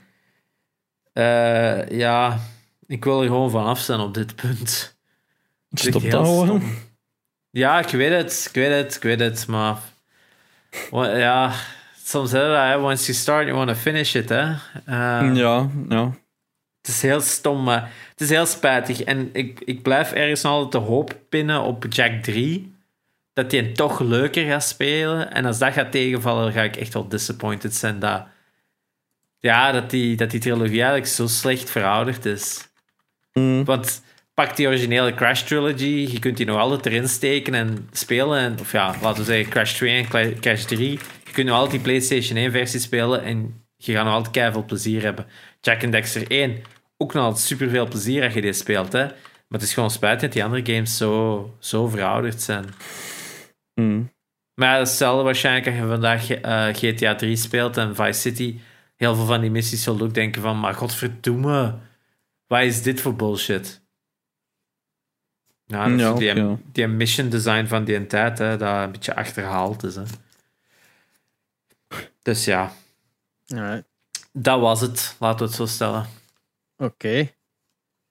Ik denk dat we hoe langer hoe meer langer bezig zijn over de games dan we spelen en minder over nieuws. Ja, dat wel. Hè. Eh, ik denk dat we nu... Wat is het? vijf- het is zo'n heel 20 periode minuten. Het is zo'n heel 20 periode... minuten. 20 minuten. Ja, het is zo'n heel periode geweest dat we...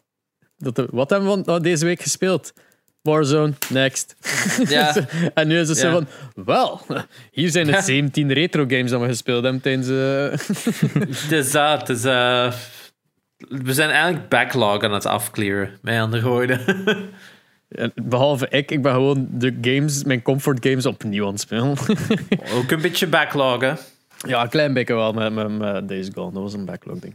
eh, Eh, goed, onderwerp van aflevering eh, 66. Natuurlijk de satanistische console Nintendo 66. Inderdaad. Ja, Ja, zijn leid het maar in. Jerry, want ik denk dat jij het meeste voorbereid hebt van ons allemaal. Ja, dus eh, we hebben het al een tijdje geleden ook aangevraagd voor ehm uw top 4 of uw top 3 van eh, Nintendo 64 games hebben. Dus we gingen het over de Nintendo 64 hebben, de derde eh, console van Nintendo. En ook hun eerste volledig eigenlijk 3D-console. En eveneens 64-bit systeem. Want eh voordien was het dus de Nintendo de 8-bit, de Super Nintendo de 16-bit. En toen dacht Nintendo, fuck 32, we gaan ineens naar 64. Eh, terwijl de concurrentie de Saturn en de PlayStation in de 32-bit generatie zat. Maar was de Nintendo Jaguar, of was ik de Atari Jaguar, ook al in de 64-bit zat, als ik me niet vergis. Hè? Wat dan Ja, ja. gigantische flop was van hier tot ginder. Is, is, dat, niet, is dat een ding die gebruikt wordt bij tandartsen? ja. Yep. Die, die ook een CD-add-on heeft. Ja. Ja, 64 inderdaad. gebit. Maar dan geen deftige 3D-processor. Want daar zit het vooral bij de Nintendo 64. Nintendo 64 qua 3D-technologie was echt wel een beetje een voorloper op, op eh, PlayStation en Saturn. Want de Saturn was eigenlijk nog altijd een beetje ontworpen met voornamelijk 2D als primary target. En 3D was zo van, ah ja, we hebben dat ook. Maar een 2D-engine en een 3D-engine waren, of 2D-layer en een 3D-layer waren zo separate dat dat eigenlijk niet zo goed zat. En bij PlayStation was het van ja, we hebben, we hebben iets, maar het is niet makkelijk mee werken. En je merkt dat die, dat die, dat die gedachte van 3D er wel was, maar dat ze het zelf eigenlijk ook niet zo goed door hadden. Terwijl Nintendo eigenlijk destijds met de gedachte van een Nintendo 64 eigenlijk heel vroeg, hè, ze zijn er in 93 mee begonnen met het maken van de 64. Eigenlijk hebben gekeken van ja, wat, wat is er eigenlijk al mogelijk? En die zijn dan vooral eigenlijk terechtgekomen bij Silicon Graphics. Wat toen zo een bedrijf was dat workstations maakte voor vooral CGI. eh, voor, eh, dus eh, 3D voor eh, films te kunnen maken. En met die Silicon Graphics workstations hadden ze dan de gedachte van ja, kijk eens, we willen eigenlijk een lightweight versie hebben voor eh, home consoles. Dus de games werden gemaakt voornamelijk op die Silicon Graphics machines. Wat dat eigenlijk toen ook zelfs in PC-gaming eigenlijk al de standaard aan het worden was. eh, voor development. Omdat dat echt gewoon beesten van machines waren destijds. En zij hadden dan daarvan vertrokken om dus naar die ja, goedkoper, laten we het zo stellen, goedkopere chipset te gaan voor de 64. Nu, het was eigenlijk altijd wel een development die heel ambitieus was voor de tijd. En dat heeft natuurlijk ook wel voor wat delays gezorgd. Een van de dingen die waarschijnlijk het uh, grootste probleem was, was de naam. Destijds eh, zijn zij ook begonnen met het maken van de development, was de development naam Project Reality, om dan uiteindelijk te evolueren in Ultra 64. Maar ze hebben dat al moeten droppen, want Ultra was al een naam dat uh, uh, getrademarkt was door Konami.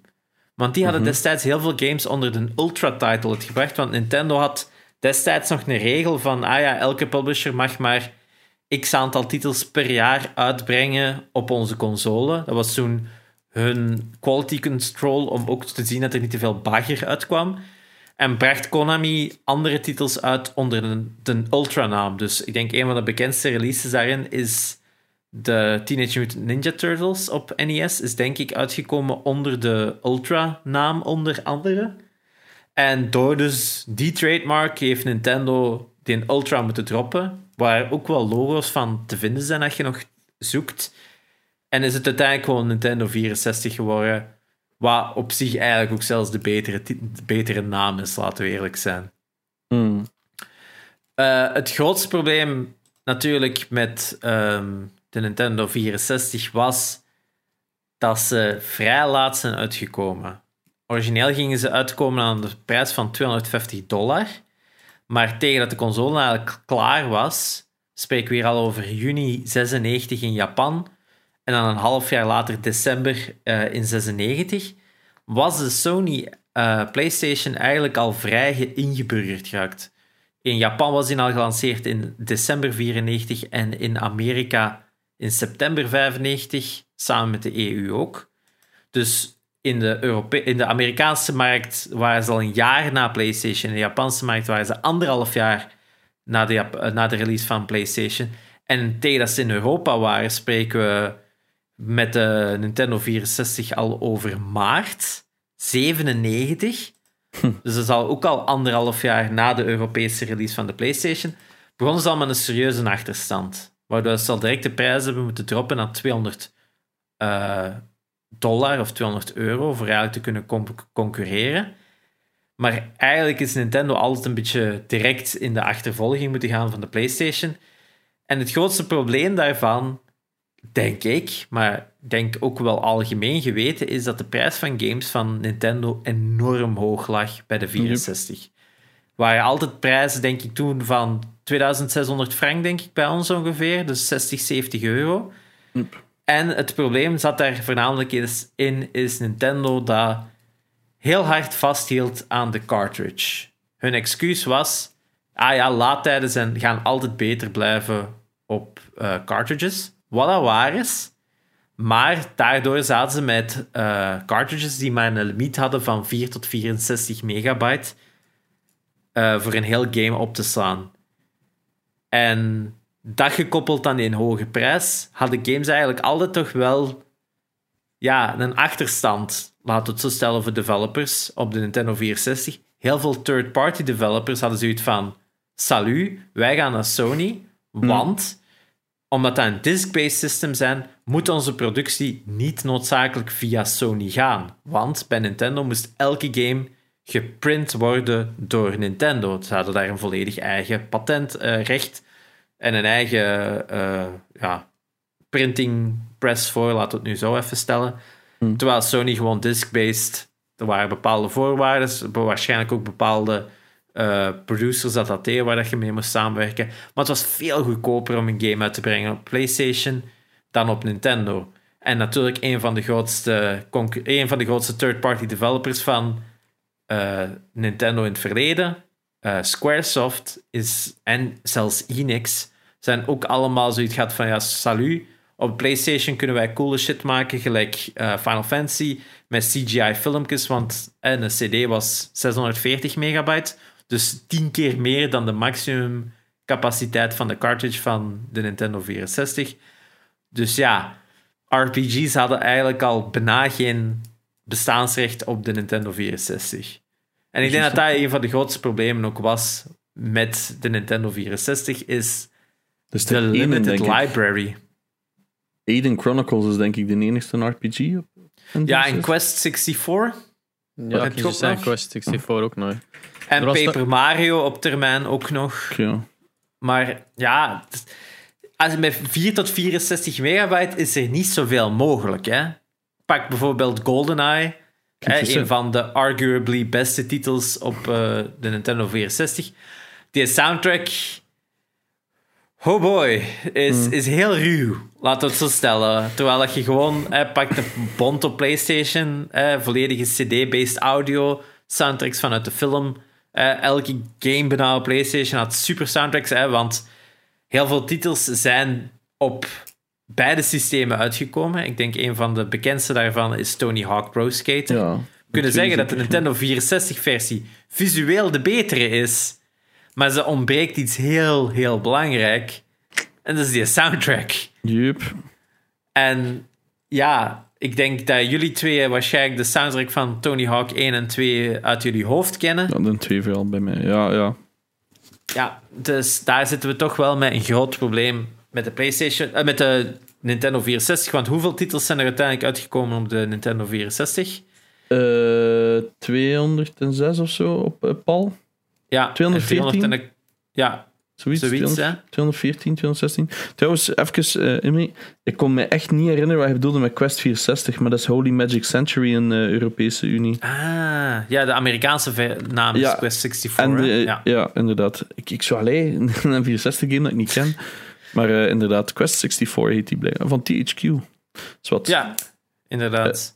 Eh, ja, ik denk 214, 15, 16, zoiets, als ik me goed herinner. ja, Ik denk, denk dat ik er 211 had en nog 5 moest. Dus. Ja, zot. En de meest verkochte titel is natuurlijk Mario 64 waarschijnlijk. Mario 64 met 11,62 miljoen verkochte kopieën. Dus En wat is dat is enorm Time? veel. GoldenEye. Welk? Een tweede? Eh, GoldenEye de- misschien? ik denk, eh, ik ga eens zien of, er, eh, of we het erbij kunnen vinden. Daar heb ik het nu niet. Mario Kart 64 is nummer, nummer 2 met 9 miljoen. Ah ja. Ja, Sorry. natuurlijk. Obviously, Nummer ja. 3 is GoldenEye met 8 Nou, miljoen. En dan Ocarina of Time. En dan op de vijfde plaats toch Super Smash Bros. Wat een vrij late toevoeging is, want dat is nog mijn game van 99. Dus dan spreek ik al toch het einde van de cycle van eh, Nintendo. Is Gamecube niet 2002? 2002, maar op dat punt, eh, hoeveel titels zijn er nog na 99 uitgekomen? Eh, Banjo-Tooie? de- Dat wel, en, en Conker's Bad Majora's Day ook en Mask. zo. Majora's Mask is ook 2000. Ik, Het is omdat ik de lijst hier heb openstaan. dat ik Ja, ik zie het ook. Scan ook. for 2000. Het is niet dat ik dat van buiten wist. hè. Mario het is dat- Tennis. Mm. Maar op dat vlak was de PlayStation 2 er al hè, in, in 2000. Dus waren er al Was dat veel 2000 meer. ook? Ja, ja, dat is 2000. Dus eh, maart 2000 is de PlayStation 2, als ik me niet vergis. En november in Europa. Eh, ja, inderdaad, 2000. Boom. Holy fuck. Ja, dus die hebben nog twee jaar hebben die nog wel support, maar ja, het, het, het beste was er al vanaf. Hè. Je ziet dat ook, hè, met die titels van 2000 zijn nu ook niet meer... Ja, ze hebben nog redelijk wat titels wel verkocht, hè, gelijk Tony Hawk en zo. Het Maar- ding is, Maar alle- dus, alle- Nin- ja, zeg maar. dus Nintendo 64 was al een jaar en een half later overal dan de PlayStation 1 en moest daar serieus door eh, allee, kloppen en kasseren. eigenlijk. En dan komen ze met de Gamecube af, twee jaar na release van fucking PlayStation 2. Dus zo, ja, maar heb je er niks geleerd uit hun fout? Of wat is dat? Ja, want hoeveel, hoeveel eh, is de GameCube een van de best verkochte Nintendo-consoles? Nee, Ook derde niet. meest ik denk zelfs console. Het is dat, ik denk zelfs minder dan de Nintendo 64, want Nintendo 64 heeft er in totaal 33 miljoen verkocht. Niet slecht voor de tijd, maar als je dat vergelijkt met de 100, wat is het, 115 of 120 van de PlayStation 1, voor een console dat came out of nowhere, hè, want 22 miljoen Gamecubes. 22 miljoen Gamecubes, ja, zie, Nintendo is echt blijven dalen, hè, want de Nintendo 8-bit heeft superveel verkocht, Super Nintendo minder, 64 minder, Gamecube minder, ja, die zaten echt in een downward No, spiral. hè. Virtual, Virtual Boy.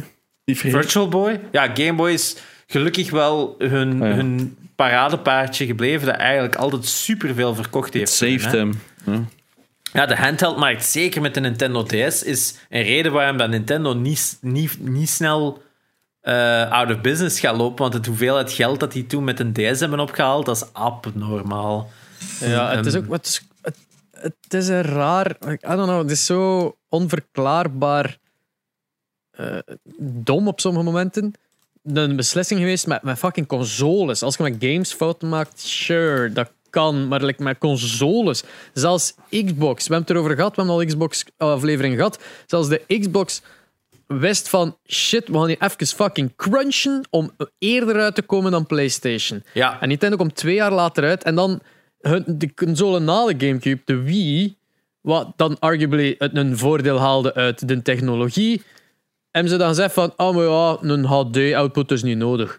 Ja, daar hebben ze toen heel hard uiteindelijk GameCube, de, de Wii en de GameCube zijn technisch gezien ook niet zo veel uiteen. Niet zo verschillend. Dat is niet zo'n massive step-up. Ik denk dat ze daar inderdaad heel hard hebben ge. De Wii, U, of de Wii was een gigantisch succes dat vooral te danken was aan inderdaad de technologie. Maar ik denk anderzijds ook een groot verrassing was voor Nintendo. Ik denk ook niet dat die hadden verwacht dat dat zo goed ging doen. Ja, dat, maar daar hebben ze dan wel hetzelfde jaar uitgekomen dan, uh, dan PlayStation 3. Ja, en inderdaad. Xbox 360. Dus dat, maar ja, Xbox 360 is wel, heeft een voorsprong kunnen trekken en heeft altijd die voorsprong gehouden. Hè? Dus soms is het letterlijk de eerste die uitkomt die het, die het haalt. Hè? Eh, hiermee toont het aan dat het toch wel super belangrijk is om, om vroeg te zijn met je consoles. En dat hebben ze dan geprobeerd met de Wii U van we gaan hier ook voor iedereen zijn. Maar ja, dat was dan ook niet echt de nieuwe generatie. Dat was meer een, hey, laten we de Wii nog eens proberen. Hm. Maar ja, dat is voor een andere aflevering. Nu, Nintendo 64, als er één ding is dat we kunnen zeggen dat het enorm goed doet, was die vier controllerpoorten op de voorkant van die console. Ik eh, denk de eerste Nintendo-console dat direct out of the box vier spelers ondersteunde. En gelukkig eigenlijk bijna elke multiplayer game dat Nintendo heeft gereleased, was ook altijd voor vier spelers. En ik ga één ding zeggen, en ik denk niet dat we dat kunnen ontkennen. De Nintendo 64 is de beste multiplayer console die ooit gemaakt is en ooit gemaakt zal zijn. Eh, ik heb het over local multiplayer. Is er niks beter dan een Nintendo 64? Goh ja, snap wat je bedoelt. Maar van, van die, als zo in, in context van tijdperk, ja. Zelfs nu, vandaag de dag. Ik denk als ja? je van. De, dat, eh, ik zal het zo zeggen. De multiplayer games zijn by far enorm goed. We spreken over GoldenEye, Mario Kart, Mario Tennis, Mario Party, uh, Mario, Party uh, Mario Golf, uh, Smash Bros.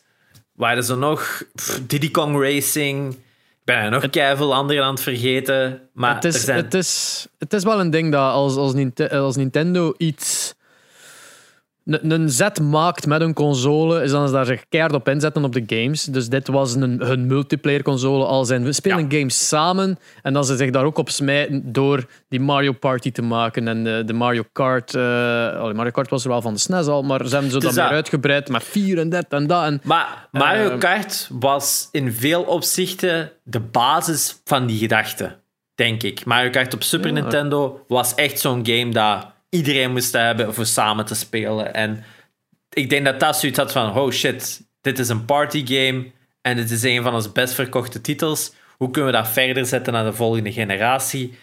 En ik denk dat dat toch wel een serieuze impact heeft op die vier poorten van die Nintendo 64.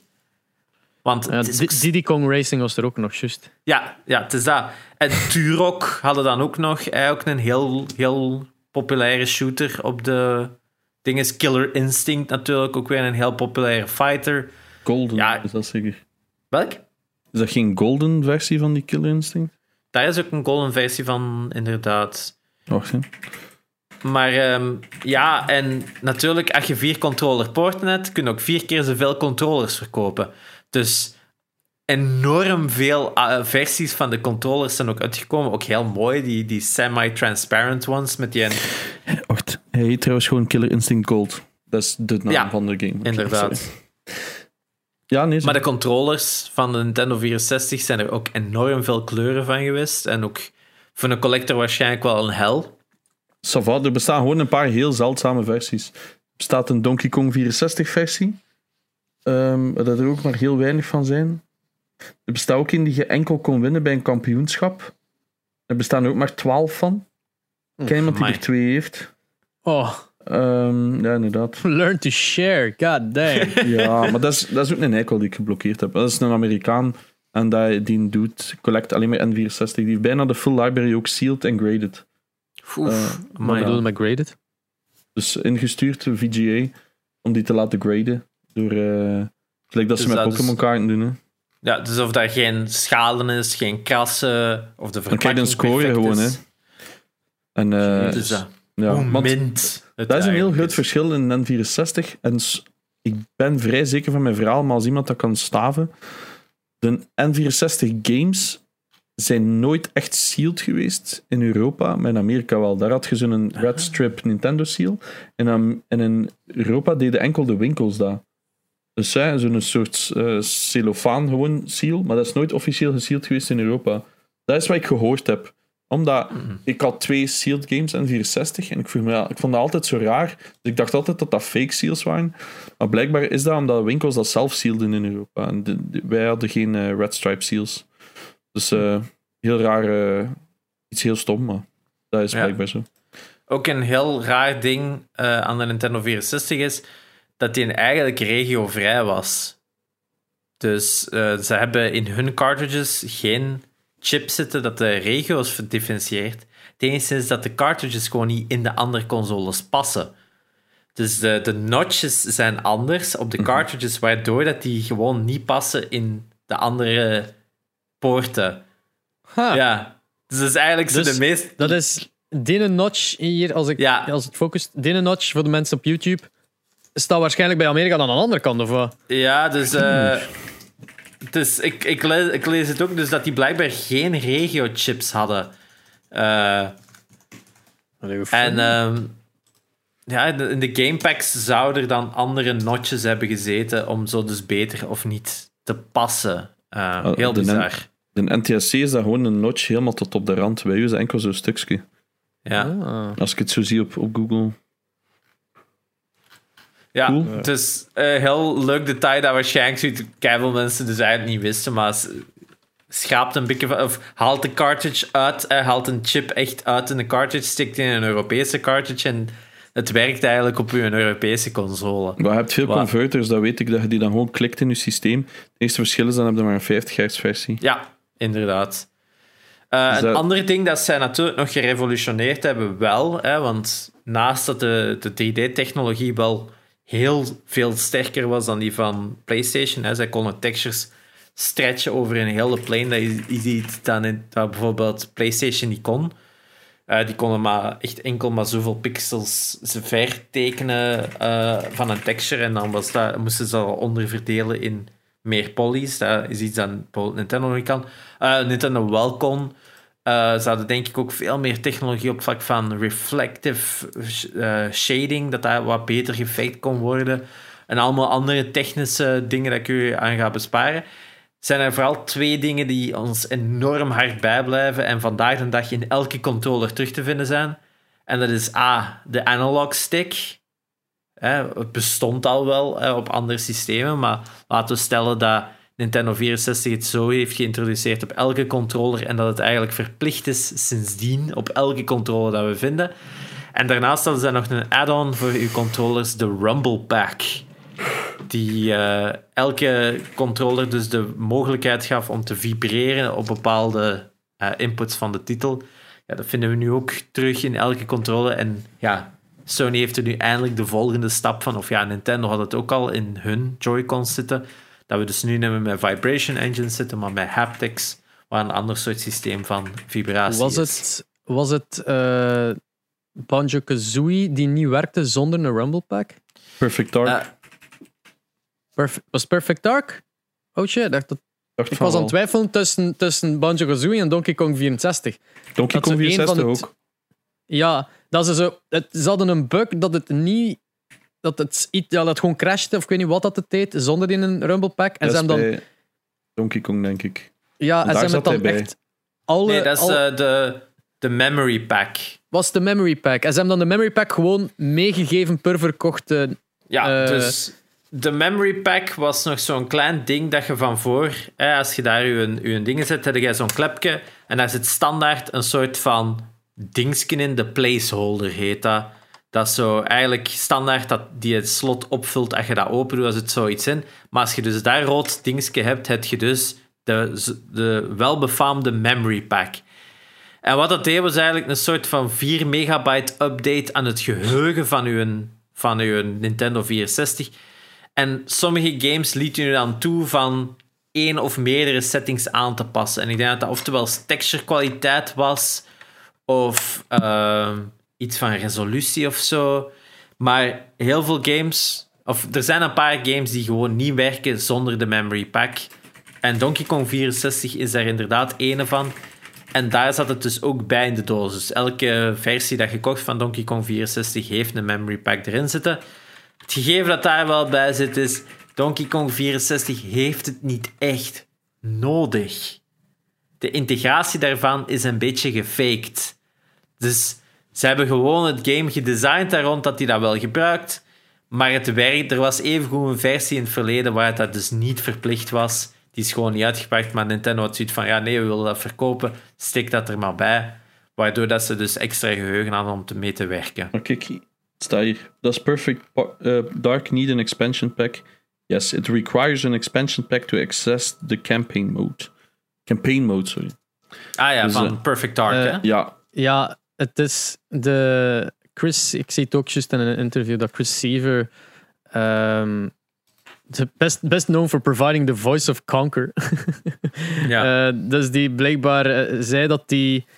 Het feit dat ze zoveel memory packs hebben uitgegeven met, met Donkey Kong 64 is in hun voordeel uitgekomen omdat ze dan Perfect Dark eh, gemaakt hebben die zich erop. Allee, die gebruik maakten van de memory pack. Ervan uitgaande van de meeste mensen hebben hem nu al. Maar inderdaad, ja. Ik wou, ik wou eigenlijk gewoon weten wat, wat de loss was van, van. Want dat was een, een last, last minute, bij wijze van spreken, beslissing om die memory packs mee te geven, omdat er geen andere oplossing precies gevonden werd. Eh, dan moet toch wel een serieuze hap in het budget geweest zijn om uh, qua winst voor Donkey Kong 64. Ja, ik denk Eh. dat hij inderdaad de game nog meer heeft geboost om te verkopen. Ehm, ja, ik denk inderdaad dat mensen zoiets hadden van, wow, ik krijg dat ook. Dat hij inderdaad wel ehm, een boost gegeven. Zij zeggen zelf van, ja, er zat een bug in. En die bug kon anders niet opgelost worden zonder de memory pack. Maar ik denk dat dat een beetje verkoopspraat is. Dat, eh. Er is eigenlijk echt... Er zijn anderen die zeggen van, het had perfect gekunnen zonder de memory pack. Ehm, maar ja, dat is niet de eerste keer hè, dat Nintendo bijvoorbeeld een game verkoopt puur voor een accessory te verkopen. Hè. Bijvoorbeeld op eh, Wii hadden we de Wii Sports Resort. Eh, de, de sequel op Wii Sports kwam toen met de, de, zo de gyroscope add-on, waarmee dat je dan je eh, Wii-modes nog betere tracking kon geven. Ja, dat was eigenlijk ook gewoon die game werd toen puur verkocht omdat de Dat, dat, dat sturken van Mario Kart. stukje van Mario Kart. Eh, Nintendo kan dat altijd wel goed eh, verpakken, laten we het zo stellen. Dus ik denk dat dat zo wat de goede is. Over het technische, er is nog één ding aan de Nintendo 64 waar we het in het verleden al een klein beetje hebben over gehad. Ik ga even nog aanraken. Ze hebben ook nog één uitbreiding gekregen bij de Nintendo 64. De zogenaamde 64 Double D. Wat een disk drive was die enkel in Japan is uitgekomen. Die uh, magneetdiscs, eigenlijk een beetje grote floppies kon lezen. Waar een paar games zijn voor uitgekomen. Ik denk het enige noemenswaardige dat daar is voor uitgekomen was een F-Zero game. Dat we dus niet hebben gekregen. Maar daarnaast vooral Doshin the Giant.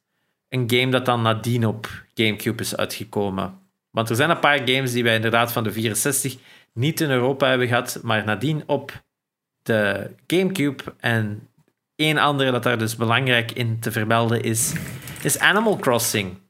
Animal Crossing is in Japan uitgekomen op de Nintendo 64, als ik me niet vergis. Uh, en in Europa en Amerika dus als Gamecube game. Waardoor dat je eigenlijk, als je dat dan zo wat ziet, wel vrij ruwe graphics had. Nog altijd in die GameCube-versie.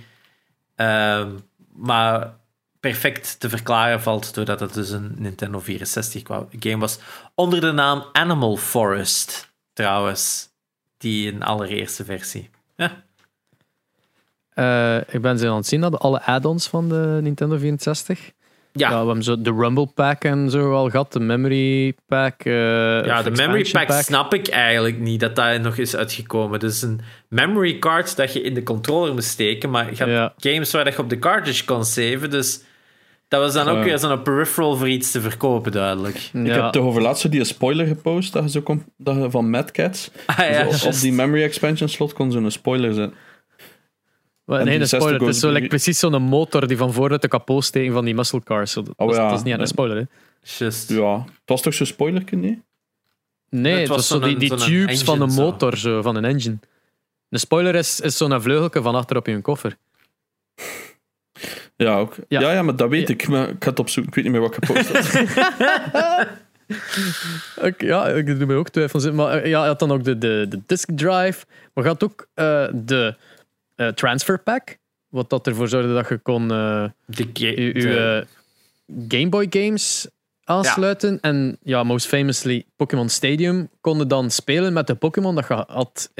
Dat je eigenlijk had ge, ge, gekweekt. verworven. in- verworven, gevangen en opgeleid en opgevoed in Ja. eh, Nintendo, eh, Nintendo Pokémon Red, Blue en Yellow. Hè? Yep, Wat dat inderdaad. amazing was in die tijd. En gold en silver bij Pokémon Stadium 2. Oh, voilà. Dus crossplay avant la lettre. Maar dan Ja. zo cross, cross console play. Ja, dat was amazing. Eh je hebt ook de White Boy 64, wat dat basically hetzelfde is, maar in plaats van van achter in de controller was het gewoon een cartridge dat je stak ja, van, voor en je, van boven een Nintendo 64 om een Game Boy games te kunnen spelen op een Nintendo 64. Ja. Wat dat, Was dat een Vreemd is. officiële ding? Want dat zegt elke dat keer... is van dat- Intelligent Systems. Dus ja, niet het is van, dat, eh, is, dat is zo... Als je dat ziet, denkt altijd van... Ah, is dat niet zo'n Chinees knock-off ding? Maar er is ook een versie voor, voor Game Boy Advance. Ook de White Boy 64 AGB. Dus eh, ja, het was wel blijkbaar eh, advanced eh, tech dat ze toch hadden gedaan. Ja.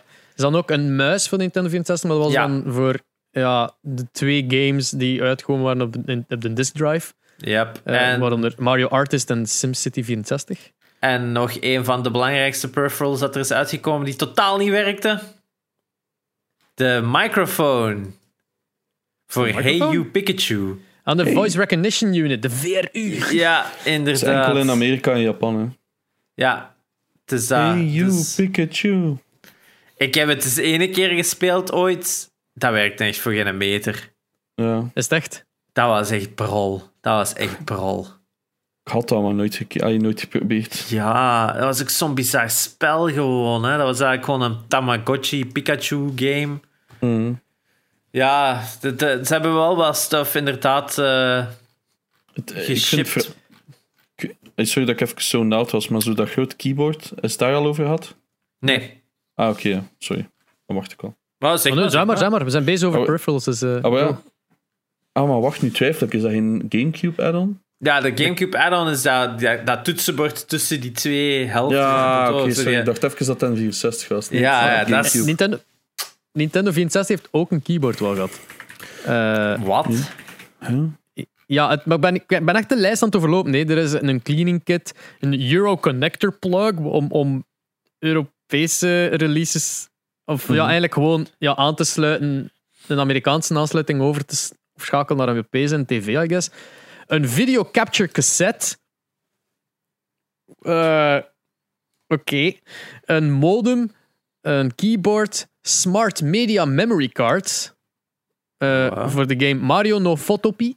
Ja, dat is die Mario Artist Studio, hè? Ja. Eh, en dan zo'n paar licensed externe dingen ook. Eh, dat ik zelfs niet ga proberen te, uit te spreken, want het zijn allemaal Japanse dingen. Het is Oh, waaronder wel een, een heart rate monitor. eh, Oeh. de biosensor. Dus Hey. ja, er is heel veel stuff uitgekomen natuurlijk. Als een basic- Een basic 35 mm camera complete with a timer and flash. Wauw. Official cameras have a Nintendo 64 logo on the front and come in different colors such as blue and orange. Ik wil één. ik wil één nu. En ik denk nog wel dat een van de belangrijkste peripherals. Maar ik weet nu niet of dat waar is of niet waar is, maar de, de glove die bij Mario Party 2 zat, of in een Amerikaanse versie of zo, heb ik ooit eens gehoord, dat er een handschoentje zat voor aan te doen, voordat je dan zo die, die, Ah, ja, ja, al die, die games te krijgen. Want eh, Mario Party was de eerste, een van de een, heel bekende partygames waar je allemaal van die minigames moest doen. En soms moesten ze zo keihard draaien met die analog, maar dan heel veel mensen de oplossing hadden gevonden van ja, zet je palm van je hand daarop en wrijft dan gelijk een zot, dat er dan uiteindelijk een afdruk van die, Ja. van die analog stick in je hand geprint zit. Hadden ze dan een handschoentje gebracht, of misschien bij Mario Party 3 kan het ook. Eh, voor dus op die manier die print van die analog stick uit uw hand weg te houden. Maar dat is iets dat ik ooit eens heb gehoord. Ik weet nu niet of het waar is. Ik heb het nooit eigenlijk teruggevonden. Maar hilarisch wel als het Ik waar heb ook nog is. nooit van gehoord, maar het lijkt me niet onmogelijk, zeg maar. Dat, of dat dat iets is dat ze samen gaven in een bepaalde winkel. Ja, als je het daar kocht, dat kon ook zo. eh, Een GameStop exclusive of zo. Inderdaad. ja. Ja, er zijn, wat ik vooral zo zot vind, is dat er zoveel NTSC-exclusives waren. Ja, want je heb jij ook veel NTSC gecollect? Ja, wel, dus de bedoeling was eigenlijk dat ik alle Japanse en NTSC-exclusives dan erbij ging collecten. Maar ja, je moest dat dan in loten kopen, dus ik had er ook wel een hoop dubbel. Maar ehm, er zijn er eh 70 of 80 exclusives in NTSC, wat eigenlijk best veel is. Ja, inderdaad. Ehm, maar de bekendste Megaman... ehm, Eh Mega Man 64, ja. Ja, Ogre Battle. ehm had ook eh Australian exclusives trouwens. StarCraft, Och, 64. Ja, dus StarCraft 64, En- inderdaad. Snowboard Kids 2. Dus de, eh, je hebt ook zo'n een racing game. En in Australië was dat met eh, Volkswagen Beetles in de plek van. Ik weet niet meer welke. En die is ook heel zeldzaam. Ehm, Australian exclusive. N64. Het is nog één dat ik mis, een super obvious one. Fuck. Eh ah nee, toch niet. MLG Baseball. Dat mag. Ah, De andere ja. drie had ik wel juist. Dus de Adventure Racing, StarCraft en Snowboard Kids 2. Nice. Zot. En de andere is blijkbaar een baseball ook versie. ehm. Maar in En Amerika, Wat waren, Tony Hawk Pro Skater zo 3, wat hè. de- Ja, dus dat Tony Hawk Pro Skater die dat de laatste Amerikaanse release was eh, voor de Nintendo 64. Dus dat is 2002 of zo zeker, als ik me niet vergis. Mhm. Ehm, enorm goede Pro Skater natuurlijk. Wat was de meest eh, zeldzame game die jij had? Als je Oei. dat zou... Of een van de duurste dat je hebt gekocht. Ik heb ze zelf nooit super duur hè, gekocht, natuurlijk. Ja.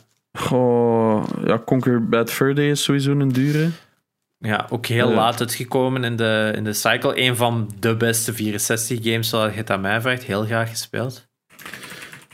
Ja, ik kom er ook maar vijf, hè. Ehm, ah ja, wacht. Er is trouwens nog zo'n heel zeldzame in Amerika. Super. ehm ah, Clay Fighter Sculptors Cut.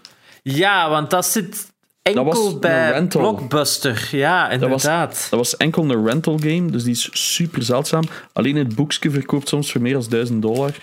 Ehm, die complete unit is iets van 3000 dollar, als ik me niet 3500 dollar. Ik heb ooit de kans gehad om hem te kopen voor 1500 euro. Maar toen moest ik ook tegen mezelf zeggen van, even reality check. Het is één fucking game. Het is geen goede game. Is het dan 1500 euro waard? Ik heb, ik heb toen nee gezegd. Spijt. Goh, ik heb er nooit echt spijt van gehad. Ehm, but you get the point. Snap je? Er Ja, bestaat, bestaat ook een heel, heel zeldzame big, big box version van Majora's Mask. Als ik me niet vergis, hè. Ik ga even op Ah, ja. Majora's Mask big box version. Is enkel uitgekomen in Zweden. Is. Hmm. Ik ga het keer moeten opzoeken. Brazilian big box? Nee, dat is het ook niet. Dus er is zo'n eh, een soort collector's edition van. Waar dat dan eh, ja, wat accessories bij zaten. Ay, zo, eh. maar ik, denk, ik dacht dat van Majora's Mask was. Ah, ja. Een van de meest bekende eh, console games is ook Tomb Raider. Dat Ah, er dat ik uiteindelijk van een originele Tomb Raider ook lang een rumor of een, zelfs een versie in de maak was voor de 64. Totdat Sony dan een exclusiviteitsdeal heeft gemaakt voor dus de, vanaf Tomb Raider 2 eigenlijk enkel nog op PlayStation en PC uit te komen. Maar dat had natuurlijk ook wel een gigantische eh, hit geweest en waarschijnlijk ook wel een enorm goede versie op, eh, op Nintendo 64. Oké, de cutscenes zullen er waarschijnlijk niet hebben ingezeten, maar grafisch gewijs had dat wel impressive geweest, want een van de meest indrukwekkende ports dat we ervoor hebben gehad is Resident Evil 2, waar veel mensen nog altijd niet snappen hoe dat die game daar is opgeraakt, want Ah, ja. Resident Evil 2 was een double disc, uh, double disc game op PlayStation. Dus twee schijfjes van 640 megabyte. Hmm. En die hebben ze op één, dis, op één game cartridge gekregen op de 64. Nu, het is wel hevig gestript. Ik denk dat de cutscenes allemaal wegvallen en de muziek is natuurlijk ook allemaal weg. Maar technisch gesproken, met al die pre-rendered achtergronden, is dat wel een heel indrukwekkende onderneming dat ze daar hebben op uitgekregen. Nu, het dus- is natuurlijk wel niet de meest favoriete versie van de fans. Dat sowieso niet. Maar in, eh, in Amerika was die redelijk cheap. Is zo crazy. Dus bij ons is die kei duur. Hij was Ja. kei duur. En eh, in Amerika kon die zo 30 dollar kopen of zo. Ehm, maar ik, er was nog iets wat ik trouwens vergeten was. Er bestaat nog een heel zeldzame variant van Rampage 2, in, eh, enkel in Amerika uitgekomen. Dat dan een plushie bij zat. Ja. Ehm waar dan een game. bij zat. En eh, Harvest Moon was ik ook vergeten. Dat is ook een exclusive dat enkel uitgekomen is in Amerika. Ja, Dat zijn zo titels dat ik dan... Ja, zeg maar. er is wel een PlayStation-versie van geweest, maar onder een andere naam. Ja? Ja, maar dat is een Ah, gelijkaardige PlayStation. game. Ja, ja, sorry. sorry. PlayStation, hè, het is dat. En die is dan ook heel goed verkocht geweest. Want een heel leuke game ook. De PlayStation-versie. Er bestaat ook een Tarzan Big Box. Wat dat trouwens echt een coole game is. Hmm. Ah ja, Ehm. zo met dat surfen zeker. Alleen de twee figuurtjes dat erbij zitten staan nu los op eBay voor 400 dollar. Dat zijn twee minifiguurtjes. Ja, dat, dat is het. Hè. 64 heeft, heeft inderdaad maar heel kleine getallen in sommige versies zitten, hè, van sommige edities van games. Jesus Christ. Ja, want wij zitten nu natuurlijk al heel vaak te spreken over games en zo. Maar wat zijn onze persoonlijke eh, ervaringen met de Nintendo 64? Ik wil, ik wil nog eerst, eh, ik denk dat we vergeten zijn te zijn bij de controller met de analog stick en de multiplayer dat er bij Mario Party zo die, eh, dat, dat dat gekend was van een Ja. en een binnenkant van wand van altijd zo die rond. Ja, dat heb ik er straks vermeld met de handschoen. En dat vermeld? Ja, Ah, verdomme. Shit, my bad, my bad, sorry. dus dat. we kunnen het eruit knippen. Ik ga sowieso Eh, niet doen, niet nee. Eh, Sorry, ja, oké. ik had het over die handschoen peripheral. eh, Ja, Of die nu Maar waar of toch- niet waar is. maar dat is toch... Wait, maar dat is... Ik dacht dat je het over like, de handschoen one-handed controller had. daar. Nee, ik heb het over de handschoen dat er Dat bij de. Mario Party zat. Nee, nee, nee. Ik heb hem niet over de Power Glove. Hè. Er, is Nee. een, er is een Nintendo 64 Glove, Glove ook. Maar en zelfs PlayStation 1 had ook zo'n kopie ervan gemaakt. Zelfs, dat je met one hand eigenlijk kon spelen. Eh, dat ziet er niet uit, dat ding. Ehm, maar ja, ik dacht dat het daarover had. Maar dus, dus inderdaad, eh, ja, als jij het had over die lawsuit, ja, dat is toch. We're legally required to give gloves to players. Ik vond, ik vond dat funny. Ja. The fuck? Ehm we hebben het nog gehad over in Donkey Kong 64 dat hem in Guinness Book of Records staat. Nee. Nee, nog niet. Dat nog niet, jawel. De, de, ehm, Donkey Kong 64 staat in het Guinness Book of Records eh, voor het eh, grootste collectathon. Voor dus meest aantal eh, ja, dingen te collecten in een game. Ik denk dat Valhalla dat al voorbij gestoten heeft, alhoewel dat Valhalla niet echt collectibles heeft, maar eerder gewoon dots aan een map. Ik, weet niet als het nog altijd erop staat, maar dat is heel lang zo geweest dat Donkey Kong 64 dus gewoon daarin stond. En dat was de grootste reden dat ik nooit Donkey Kong 64 gestart ben. ik dacht van Ik nee, gaan wel we daar... spelen. Het heeft, het heeft ook het record van de longest gameplay in, in, in de whole Nintendo 64 library. En de langste rap van elke game van de jaren 90, denk ik. Oh ja, juist. Dat is de. DK-rap. DK fucking rap. Is dat ook niet van Grant Kirkhope? Donkey Kong. Ja, inderdaad. Ja. En gelijk heel veel andere rare games van die tijd. Want als er één ding is dat enorm goed was op de 64, was het, weer, was het wel raar. Mm. Enorm veel toptitels gemaakt. Hè, we hebben het Ja, hier over- GoldenEye, Perfect Dark, Banjo-Kazooie, Donkey Kong 64. Conquest Bad eh, Fur Day. welk? Conquest Bad Fur Day. Het is dat Gemini Twins, wat is dat? Nee, Jet eh, Force Jet Gemini. Force Gemini. Ja, inderdaad. Eh, dan Dino's Adventure, wat dan nadien Star Fox Adventure is geworden. Eh, eens dat ze er Star Fox moesten insteken van Nintendo, of het beter te doen verlopen. Heb je ooit die Carmageddon port gespeeld? Ik heb die nooit gespeeld op een 64. Nee. Ik vraag me af of dat iets waard is. Ik denk Allee, dat nog wel was. Playability waard. Ja. Nu, voor mijn persoonlijke Nintendo 64 ervaring was eigenlijk eh, een maat van mij had dat. Dus ik zat daar dan... Als ik daar dan kwam, zaten wij daar eigenlijk altijd gewoon Nintendo 64 te spelen. Zo heb ik dan voornamelijk eh, Smash Bros. te spelen daar. Eh, Mario Tennis speelden wij ook wel vrij veel. Vond ik eigenlijk ook wel super leuk om te spelen. Eh, ik weet nog wel, de eerste keer dat ik een 64 ooit zag, was bij kennis van ons. En die had dan GoldenEye. En dat vond ik dan leuk, omdat je dan paintball mode had. En dan konden ze allemaal zo paintball schieten. En Ik heb dat dus- mode. Nog maar een paar jaar geleden voor het eerst gespeeld. Dat is zo onspeelbaar geworden. Dat is Oh. heel onspeelbaar. Het is heel shit, onspeelbaar. man. Maar mijn persoonlijke ervaring bij ehm, Nintendo 64 is eigenlijk heel snel gekomen. En dan spreek ik denk ik over 2000 of zo, 2001. Was voornamelijk eigenlijk emulation. Dat was vrij snel eigenlijk doenbaar. Gezien dat die games maar 4 tot 64 megabyte waren, Mhm. was het eigenlijk heel snel te downloaden. Ik had nog nooit Zelda gespeeld. Ocarina of Time was waarschijnlijk zo geweldig. Dus ik had toen Ocarina of Time gespeeld en dan, en dan op een PC gespeeld met wat, 8 gigahertz of zo had dat toen van, van, eh, eh, eh, wat is het, van CPU. Megahertz. Gigahertz. Megahertz. Zijn we al verbaasd. wacht, eh, 800, 800 op die Ja. tijd. 800 megahertz. Hè? Correct, Ehm, ja. Dus dat. Ehm, of zelfs misschien 1 gigahertz. Misschien dat zoiets was. Of zo spreek je hier 2000. Hè? Want we- mijn eerste was iets van een 466 of zo. Mhm. Dus ja, probeer. Uh, die had 8 gigabyte eh harde schijf. Dat was Maar dat was zo duur to- toen. dat was zo duur toen.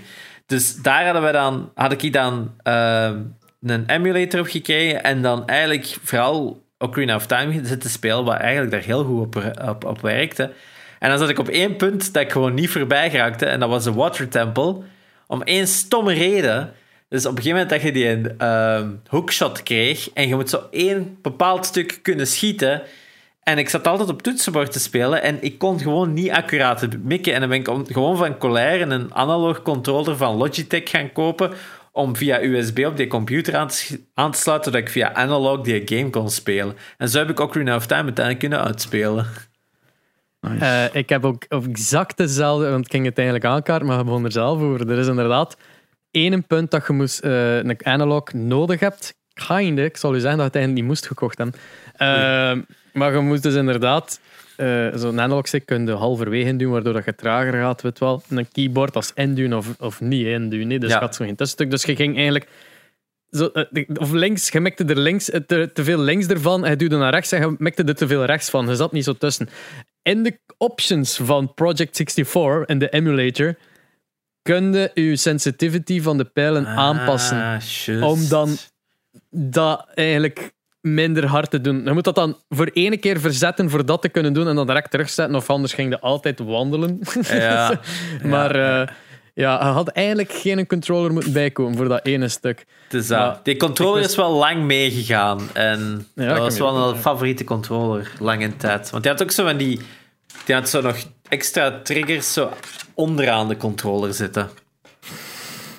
Ik dat heb was hier wel ook een zo goeie. een Nintendo 64 eh, USB controller puur om ook inderdaad emulation te, te kunnen spelen eigenlijk. En ik heb dat ene keer gebruikt. Ja, ik, ik, ik denk ik veel van de klassiekers van de 64 wel zo nog heb gespeeld op PC gewoon. Eh, Mario 64 ook zo. Wat is nog eh, dat ik vooral gespeeld heb? Paper Mario ook zo gespeeld. Vond ik ook wel een heel leuke titel. Maar ehm, ja, dat was voornamelijk mijn ervaring met de 64 toch. En Nee, vandaag de dag heb ik er ook geen. Ik heb het ook nooit beginnen collecten, omdat ik het altijd zo wat ja, te duur vond. Ik vond het laatste, een van de games dat ik het meest heb gespeeld in emulation was wel Conker's Bad Fur Day. Me verschrikkelijk hard mee vermaakt. Ik vind dat ook een van de grappigste games op de, van die generatie sowieso. En echt geweldige filmparodie. En daar zit ook een van de gruwelijkste modes in een game in. Dat was eigenlijk zo Beach, heette dat. En je speelde met de teddies versus de squirrels of zo, denk ik. En de squirrels waren een soort van migranten of uh, vluchtelingen die over een strand moesten lopen en voorbij de bunkers van de teddies moesten geraken. Die teddies hadden dan geweer en die moesten dan al die squirrels neerknallen. En dat was dan 1v1 multiplayer.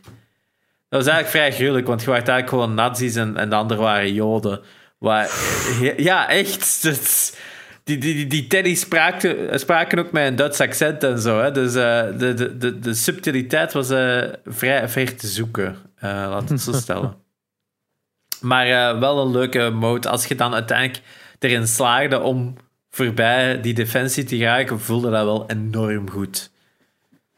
Ja. Uh, mijn ervaring met een Nintendo 64 is eigenlijk exact dezelfde. Ik had een maat die een had. En uh, dan... Dat was ja, middelbare schooltijd, ik guess. Dus dat was zo...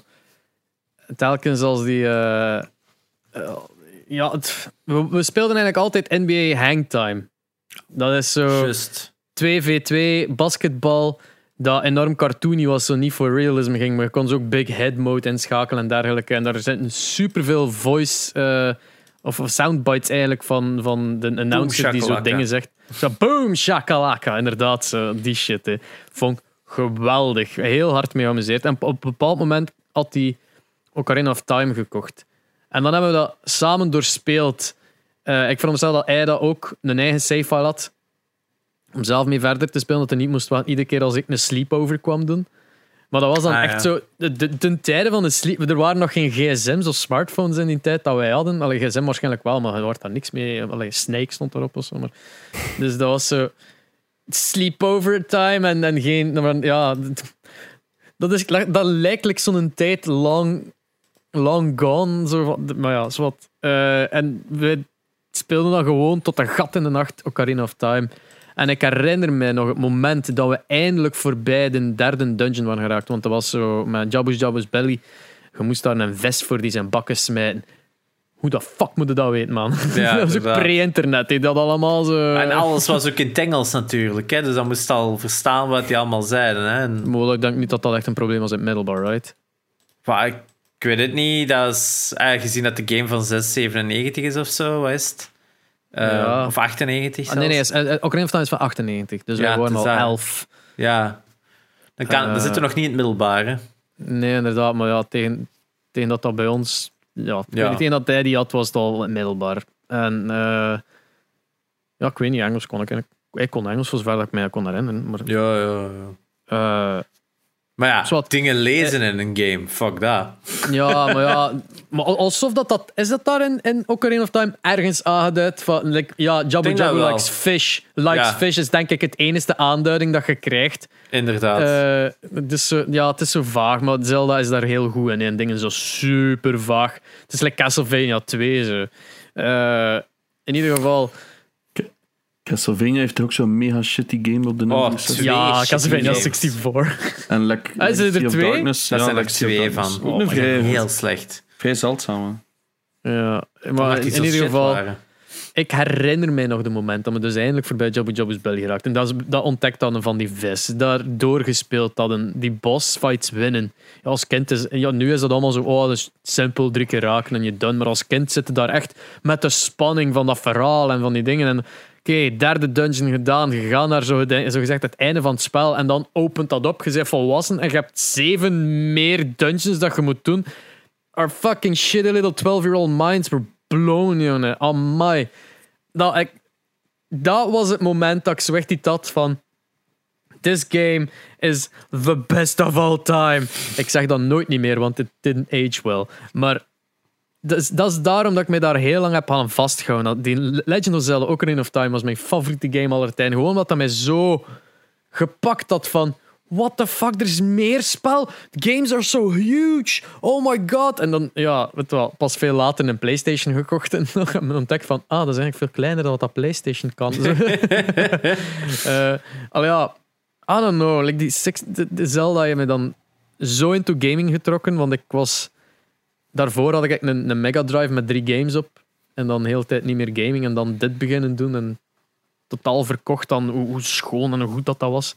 Ja, Ehm, ja zelf had ik dat- ook altijd een PlayStation in die generatie. Dus ik zat toen al in de, in de RPG's al vanaf dat moment van Final Fantasy en zo. Dus Ocarina was had, gewoon voor eh, mij enorm leuk om te spelen. Dat, dat is wat ik daar zo echt aan eh, vasthield. Was zo een van de weinige games dat echt zo'n grote wereld te verkennen had. Hè?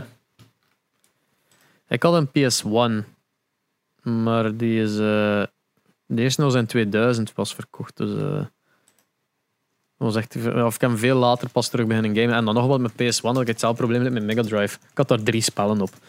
Eh, dus ik ben. Mijn Nintendo 64, degene die hier staat bij mij, is gekocht geweest, ik denk tweedehands in 2012. Ik heb die in 2012. eh, ik werkte al bij de VRT. Eh, ik woonde al samen met Nina. En ik. Geen idee. Ik denk dat ik. eh, oftewel was beginnen kijken naar YouTubers die zo oldschool gaming reviews deed. En dat ik zo helemaal verkocht was naar de nostalgie dat ik had aan zo die bepaalde paar games dat ik gespeeld had. Ik zit van, oh, je, ik wil dat terug. En dan heb ik tweedehands gewoon opgezet. Nintendo 64 Zelda. En die zeg ik kocht voor 50 euro of zo. Ehm, met Zelda erbij boxt. Dat was echt zo. In, in retrospect, een heel goed koopje. Want ik denk dat je nu Ja. Zelda Ocarina of Time boxt vinden zelf al niet aan 50 euro waarschijnlijk. Maar ik Terwijl dat 24 een van de meest verkocht, hè, wat was het, derde of vierde meest verkocht Ja. eh, game, dus er zijn miljoenen van verkocht. Hè. Wat ook wel grappig is, hè, want de, de Spaanse versie is, is ook heel bekend omdat daar dan een boek bij zat met de vertalingen. Omdat ze dat niet vertaald hadden op tijd, kunnen dus gewoon er daar een boek bij zitten en dan moet je zelf opzoeken. Ah ja, deze dialoog, dat betekent dit in het Spaans. Dus eh, het is heel absurd allemaal. Ja, ehm, ja ik, zie- ik zie ja, veel boxed. ik- de goedkoopste dat ik vind is 44 pond, want ik zit zo for some reason op Savannah. UK version. Eh, en maar dat is een hele kapotte doos. En ik al de rest is. En ik kan al redelijk rap, rap naar de 70 en eentje die Hmm. mint is naar 185. Ik denk Majora's Eh, Mask mint was 70 euro al veel. Oef, ja. Eh, in ieder geval, eh, ik heb een goedkoopje gedaan en dan mijn liefde voor die game herontdekt en terug beginnen collecten samen met u, Jerry. Eh, en dan denk ik echt beginnen investeren. Dus ik denk dat de, de Nintendo 64 was mijn gateway into collecting. Het was de eerste retro console dat ik teruggekocht had. En dan begonnen was van, ah ja, maar ik wil ook wel een SNES. Want daar zijn titels op dat ik nooit gespeeld had, maar wel nu met liefde naar terugkijk. Gewoon omdat ik zo die YouTube-reviews had gezien, die let's plays. En dan zo ah, ik wil dat ook spelen. En dan zo een gekocht en beginnen spelen. Mezelf voorgenomen nooit box te kopen, enkel cards. Want ik, wil, ik koop het voor te spelen, niet om te Ja. collecten. Dus ik heb enkel zo... eh, shut up, Janox. Daar Oh ja, maar ik nee, nee, nee, nee. Ik Ik was ook zo. Ik was ook zo. Mijn, mijn collectie is zo gestart. Hè. Ik vond dat belachelijk dat je box kocht. Dus eh, ik moet niet veel zeggen. Ja, wel, maar ik zag je zo teken doen, zo van... Ja, maar, ja, maar bij mij was dat ook pas daarna. Hè.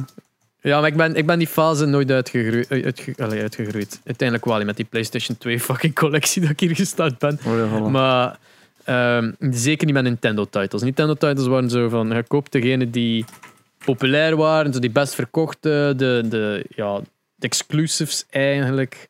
En verder dan dat zoek ik het niet. Ehm, mijn Nintendo 64 is denk ik mijn kleinste collectie dat ik heb op misschien Gamecube na. Ja, Ehm, er zijn er ook niet zoveel titels voor, hè, dus eh, op zich. 400 zeker of zo? Van Voor de, wat? de- 400 400 voor de- Nintendo 64 games? eh, nee, 200 en een klets in Europa. 230 pal en 300 denk ik eh, Amerikaans. Oh shit, toch? Oké. En, maar in eh, Japan zijn er ook wel nog een heel hoop. Maar ja, dat is Ja. zo moeilijk om te collecten. Het is super van die horse riding shit en zo. Ja, ehm, maar dat is. eh, de Nintendo 64 is met een gateway drug geweest into collecting. Fuck Hmm. you. Nee, maar het En is bij zo... Bij mij is het ook N64 hè, dat ik daar ben in, in- door- erin geraakt. Is Dus, ehm, ja, ja, ja. En het is zo dat ik ook SNES ben beginnen kopen, omdat voor mij was het altijd N64, dat was de goedkoopste collectie om te starten destijds. Nou, ik startte, dus dat is nu meer als 11, 12 jaar geleden. Dat was de goedkoopste collectie en de kleinste. Voor boxed, alleen voor te completen, hè, 230 titels. Dus ik had zoiets van, ah, dat is doenbaar. Dus ik was... eh, maar ik had toen op tweedehands vonden ze nog veel games voor 5 euro op tweedehands. Dus ik was zo beginnen kopen en had ik zoiets van... Oh ja, SNES-titels is eigenlijk zo wat dezelfde doos. Wat dat exact dezelfde afmeting is trouwens. Ehm, dus ik dacht, why the fuck not? Ik kon er zo een paar oppikken voor 7, 8 euro het stuk. En toen kocht ik dat nog heel veel. Hè. Ik kocht dat toen echt soms met 40 tegelijk of zo. SNES-games en N64-titels samen. Zo al die goedkopere. Van, om wat te padden, hè, omdat dat cool staat in je kast. Om dan pas de duurdere te gaan uitzoeken. Ehm, dan heb ik al mijn ehm, losse cartridges weggedaan. En eh, ja, mijn eerste game dat ik zelf gespeeld heb is Banjo-Kazooie. En ik Ach, was daar heel hard van onder de indruk. Zeker voor die een tijd. Dus heel fun. Niks op aan te merken. Ik heb het gewoon nooit volledig uitgespeeld, want ben dan verhuisd en die heeft altijd in een doos gezien. Omdat, ja, Smash Bros. heb ik wel gespeeld. Mario Kart, obviously. Maar dat speelde ook op SNES. Eh, en had ik dan ook op eh, Wii, Wii U en Switch ook allemaal gespeeld. Ehm, ja, ik heb eigenlijk niet zoveel titels op een 64 gespeeld. Ik heb Doom nog gespeeld, maar dat was ook echt heel slecht. Ja, dat was niet zo fantastisch, heb ik al van ik- veel gehoord. Ik vond dat ook niet zo fun. Eh, ja, en dan GoldenEye had ik geprobeerd, omdat dat ook zo wat legendary was. En Conquest Bad Fur, jammer genoeg, nooit aan start for some reason. Oef, echt fun. Dat is een Ja, van de ik heb duurste die- titels dat ik gekocht heb, denk ik. Ik heb die ook altijd willen spelen, maar nooit er eigenlijk zo aan begonnen eigenlijk. Eh Banjo-Kazooie heb ik, heb ik eh, al een paar keer aan begonnen. Dat is zo'n game dat je echt aan moet, zetten om uit te spelen en niet vergeten wat dan de controls waren of waar dat je zit. Mm. Want als je dat te lang laat liggen, vergeet je dat en weet je niet meer waar dat je zit. En dan is van, alright, fuck it. En dan een jaar later doe je dat nog een keer. ik heb dat zo, denk ik, tot vier keer toe aan Banjo-Kazooie begonnen en laten liggen. Dus, eh, Ja. Ja, Ja, ik, Goed ik, spel wel. ik hoop nog altijd keihard dat, dat we een, een N64 Mini gaan krijgen. Gelijk dat we dat van de SNES en de NES ook hebben gehad. Een mini-console met een paar titels op. Want Mm. ja, eh, het zou gewoon cool zijn om ze te herspelen op een officiële manier. Want Nintendo is ook nog niet toegevoegd aan de Switch bijvoorbeeld. Ik denk natuurlijk de grootste reden dat daarachter zit is... Die generatie van games is heel slecht verouderd. Hè, Als we daar naar kijken, dan moet je toch al wel met een korrel zout daarnaar kijken van ja, de, de textures zijn wat ruw, de, de, het is allemaal wat leger. Terwijl N64 ga- of was ik SNES games zijn er enorm goed uit vandaag de dag nog.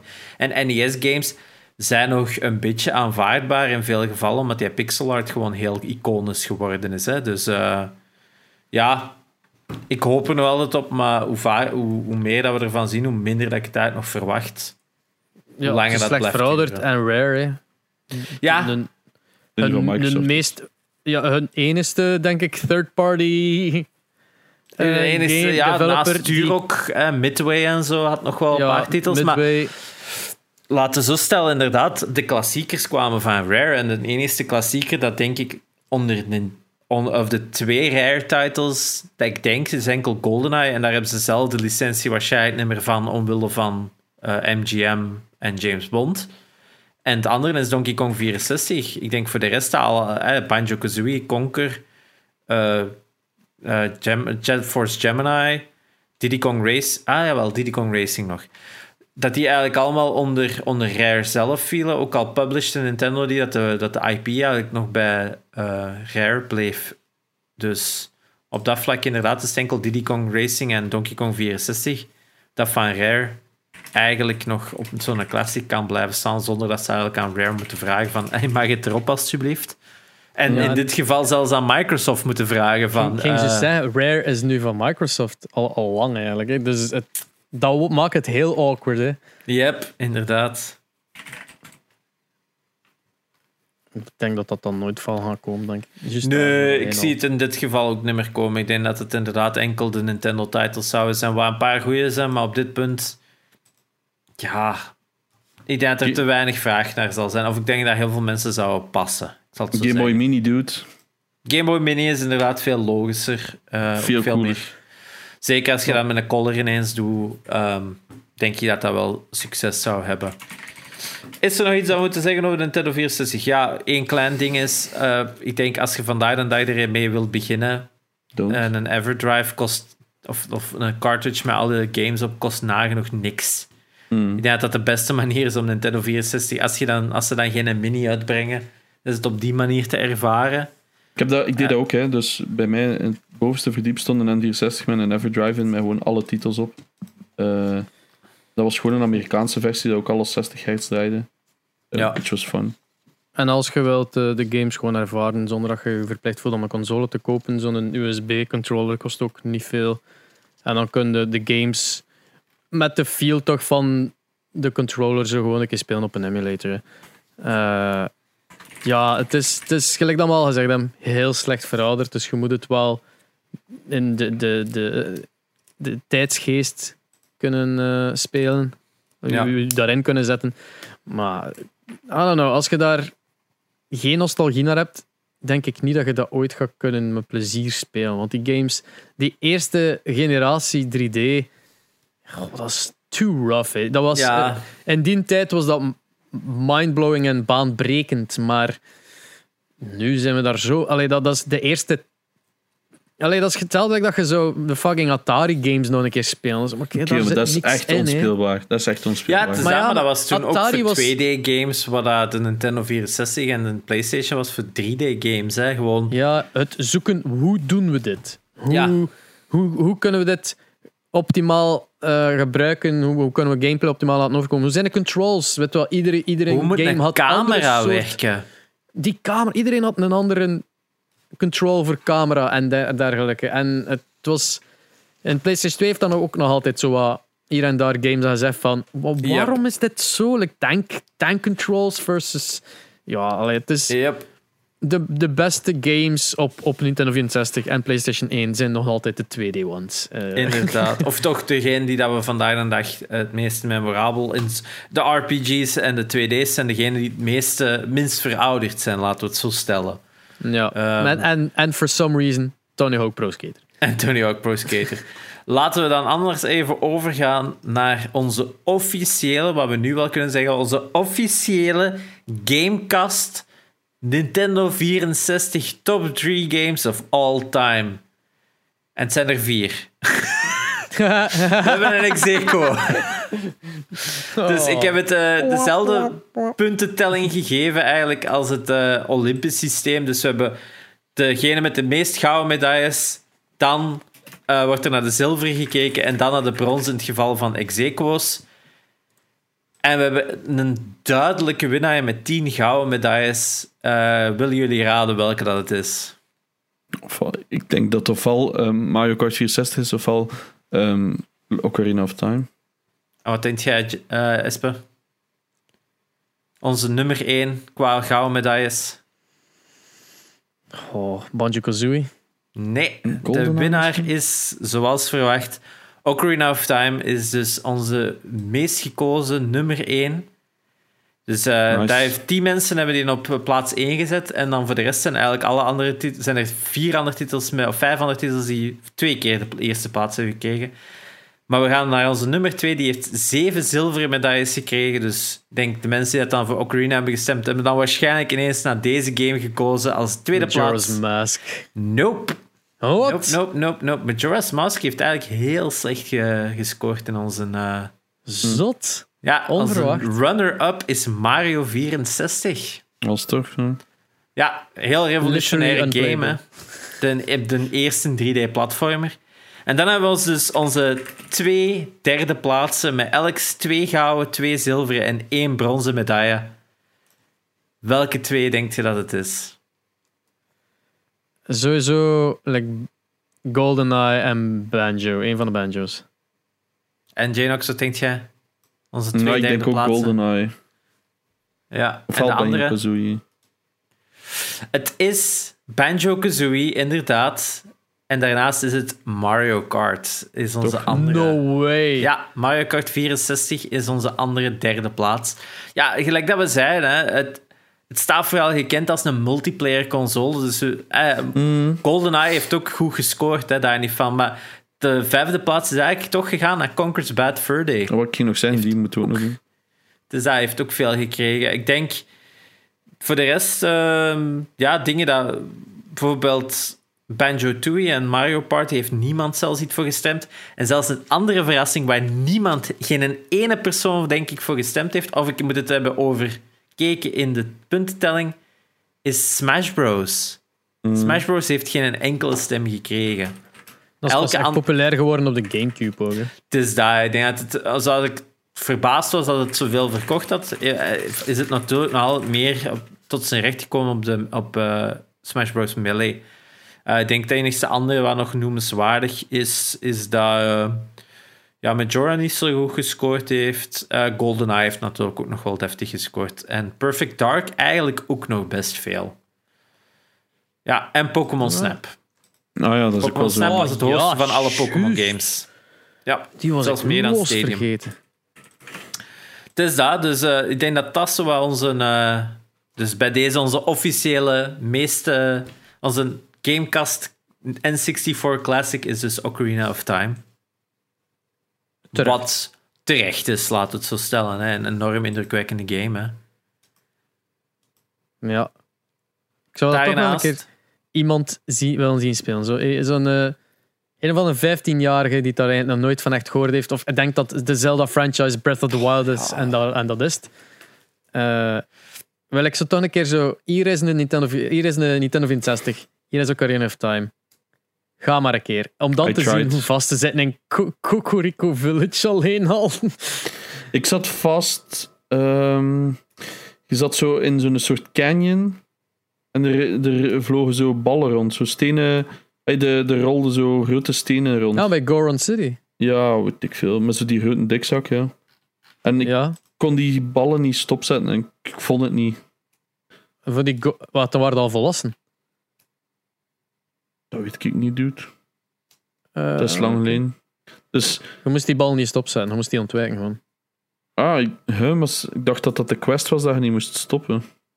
Ah ja, dat, ah ja er is in Goron, Goron City is er één dude die constant zit rond te, te, te, te rollen. Like, eh, op weg er naartoe Ja, zijn er van die gigantische rotsen die afkomen. Maar in de city zelf is er Ja. eentje die constant zit rond te rollen. En daar, daarin moet je zo perf- perfectly timen dat je daar een bom op smijt. Zo een Ah. van die crop op smijt. En dat hem juist daarop komt. En dat is een hel, omdat je dat moet timen, zodat hem in die een blaast zit. En dan stopt hem. En als je er dan tegen praat, kan het spel verder. Eh, Ah. het is misschien denk- daar. Ik denk dat ik daar vast zat, want ik had Ja. ook zo wel iets moeten opzoeken van zo'n graf waar dat je moest tegenpraten. Oh Ja. Dat bij, ook, Dampé. dat ook totaal Ja. niet door. Eh, maar ik heb dat op de 3DS gespeeld. eh, Ja, ik denk dat de 3DS-versie ook de veel betere versie is vandaag de dag om het te spelen. Is dat? Ik kan niet Ja. Grafisch sowieso is het echt al wel Ja. een major step-up. Maar ik had zo die 25-year edition van die console, die ik ooit een keer super cheap heb Oef. kunnen kopen. Dat is wel een schoonheidgave. Ja, 100, 100 euro betaald. En dat was uiteindelijk 500 waard. Geen slechte Yep. investering. Dus eh, ja, maar ja, veel te kleine console, dat irriteerde mij ook. Dus, ja. Ja, ja. dus dat kleine 3DS-ke. Ja. Freakishly huge hands. ik heb freakishly small hands. Dus voor mij is dat zo van, it's so big. Wow, hold up. ja, dat, dat is een link dat jij legt. Ja, oké. Ja, en 64 is gewoon een heel slecht verouderde console. En ik snap als je dat nu aan een jongling heeft dat iets heeft, what the fuck is dit? Ja. ook. Ik heb ooit een keer een mens geweten die dus de, de, de controller vastpakt aan zijn twee buitenste oren Ja, en probeerde zijn duim te strekken naar de middenste analogstick en naar de Z-button, die ook in het middenste armje zat. Dus dat is... Ja, dat is Daarom- een rare controller. hoor. Daarom ik heb dat de, ook de, enkel ho- gezien van de memes. de Dus wist... Sorry, zeg maar. Ja. ja, ik wou gewoon zeggen dat de Hori-pad wel nadien is uitgekomen. Is Hori met een nieuwe controller uitgekomen voor de 64 die gelijk veel beter ontwerp was. Ook de analog gebruikte van ehm, de Gamecube. Dus eigenlijk dat- echt wel hetzelfde, eh, inderdaad, zo, ook zo met die ringetjes erop en zo. Echt dat- super schone controller. Heel duur vandaag. Als Is dat een keer niet gepost op Discord? Zo'n heel discussie van zo'n eh, een 64 elitist? Was dat mijn Discord? Dat zal waarschijnlijk bij u eerder geweest zijn. Mm, shit, nu moet ik dat terugzoeken. Dat was een dude en ehm, ja, die was ruzie aan het maken met iemand omdat iemand zei dat de Hori controller beter was. En die Op andere de zei dat- 64. Ja, ja, ja. ja. Ah, wel, sowieso, Sowieso. maar er was dus zo'n elitist en die zei dat dat nooit had bestaan en dat hij bij al zijn N64 speciale collectors en die wisten er ook allemaal niet van. die- En- Even de luisteraars, je moet die alleen maar eens opzoeken. De Hori Pad Mini, hè. Super schattig. Zo een schoon controllertje dat die zijn. Zo cute. Echt Mm. super fan van. Ik ben nu aan het denken wat die ene controller heet. Het was iets met 2000. N64 2000. Als ik me niet vergis. Millennium 2000 controller. Dat is een van de zeldzaamste controllers. Ah is. ja. Ja, Alright. alright. Ehm ja, Dat ik is blijkbaar- dan... Een Nintendo Power exclusive. Oh moest ja, u- Nintendo Power. en je moest, je, eh, shit, je, moest je, gegevens opsturen of zoiets. En dan, eh, dan kon je daar winnen. Als ik me niet vergis. Zalig. Ja, ja. February Alright. 5, 2000. Oké. Ja, dat was het voor N64. Dus dat. Ik hoop dat het wel interessant was. Eh, Yes. Het enige andere dat we nu nog te vermelden hebben is dat we terug zijn met de geborduurde merch.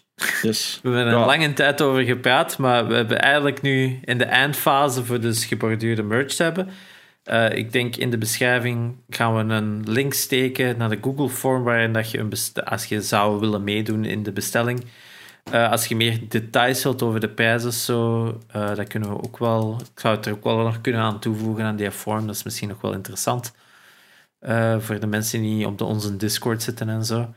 Maar ja, het gaat Dus- eigenlijk echt bijna alles wat dat je wilt, kunnen we waarschijnlijk wel eh, Je opleveren. kunt, hè. je kunt zelf neon vestjes met het logo op. Dus als dat- je veilig in het verkeer wilt. ja, dat zo. zou wel fucking dope zijn. Ja, het gaat, wat is het, 4 euro of zo, zo'n vestje. Dus ja. Dus dat, dus dat. Maar dat zal dan eerder wel gescreenprint moeten worden, denk ik. Ik denk niet dat dat geborduurd kan worden. Alhoewel, het was wel, hè. Ik dacht van, maar wat, dat maakt nu niet uit. Dus dat- Laat ons iets weten en we fixen dat wel. We hebben al een paar inzendingen, denk ik. Ja, we hebben er al wel was, hè. Ik moet de mijne zelf Dus- ook nog insturen. Ja, ik moet ook nog mijne insturen. Maar ik denk inderdaad, met de hoeveelheid dat we nu al hebben, dat de prijs al wel goed verdeeld gaat zijn van administratieve kosten en zo. Dus eh, Ja, gaat het eigenlijk goed. echt maar peanuts worden. sweet. Alright, Dus dat. let's wrap it up. Laat En- weten wat de Nintendo 64 voor jullie betekent in de comments of op de Discord. Hmm. Bedankt om te luisteren. Ik ben Aspe. Ik was Sherry. En ik was Janox voor jullie. En tot de volgende keer. Tot Salut.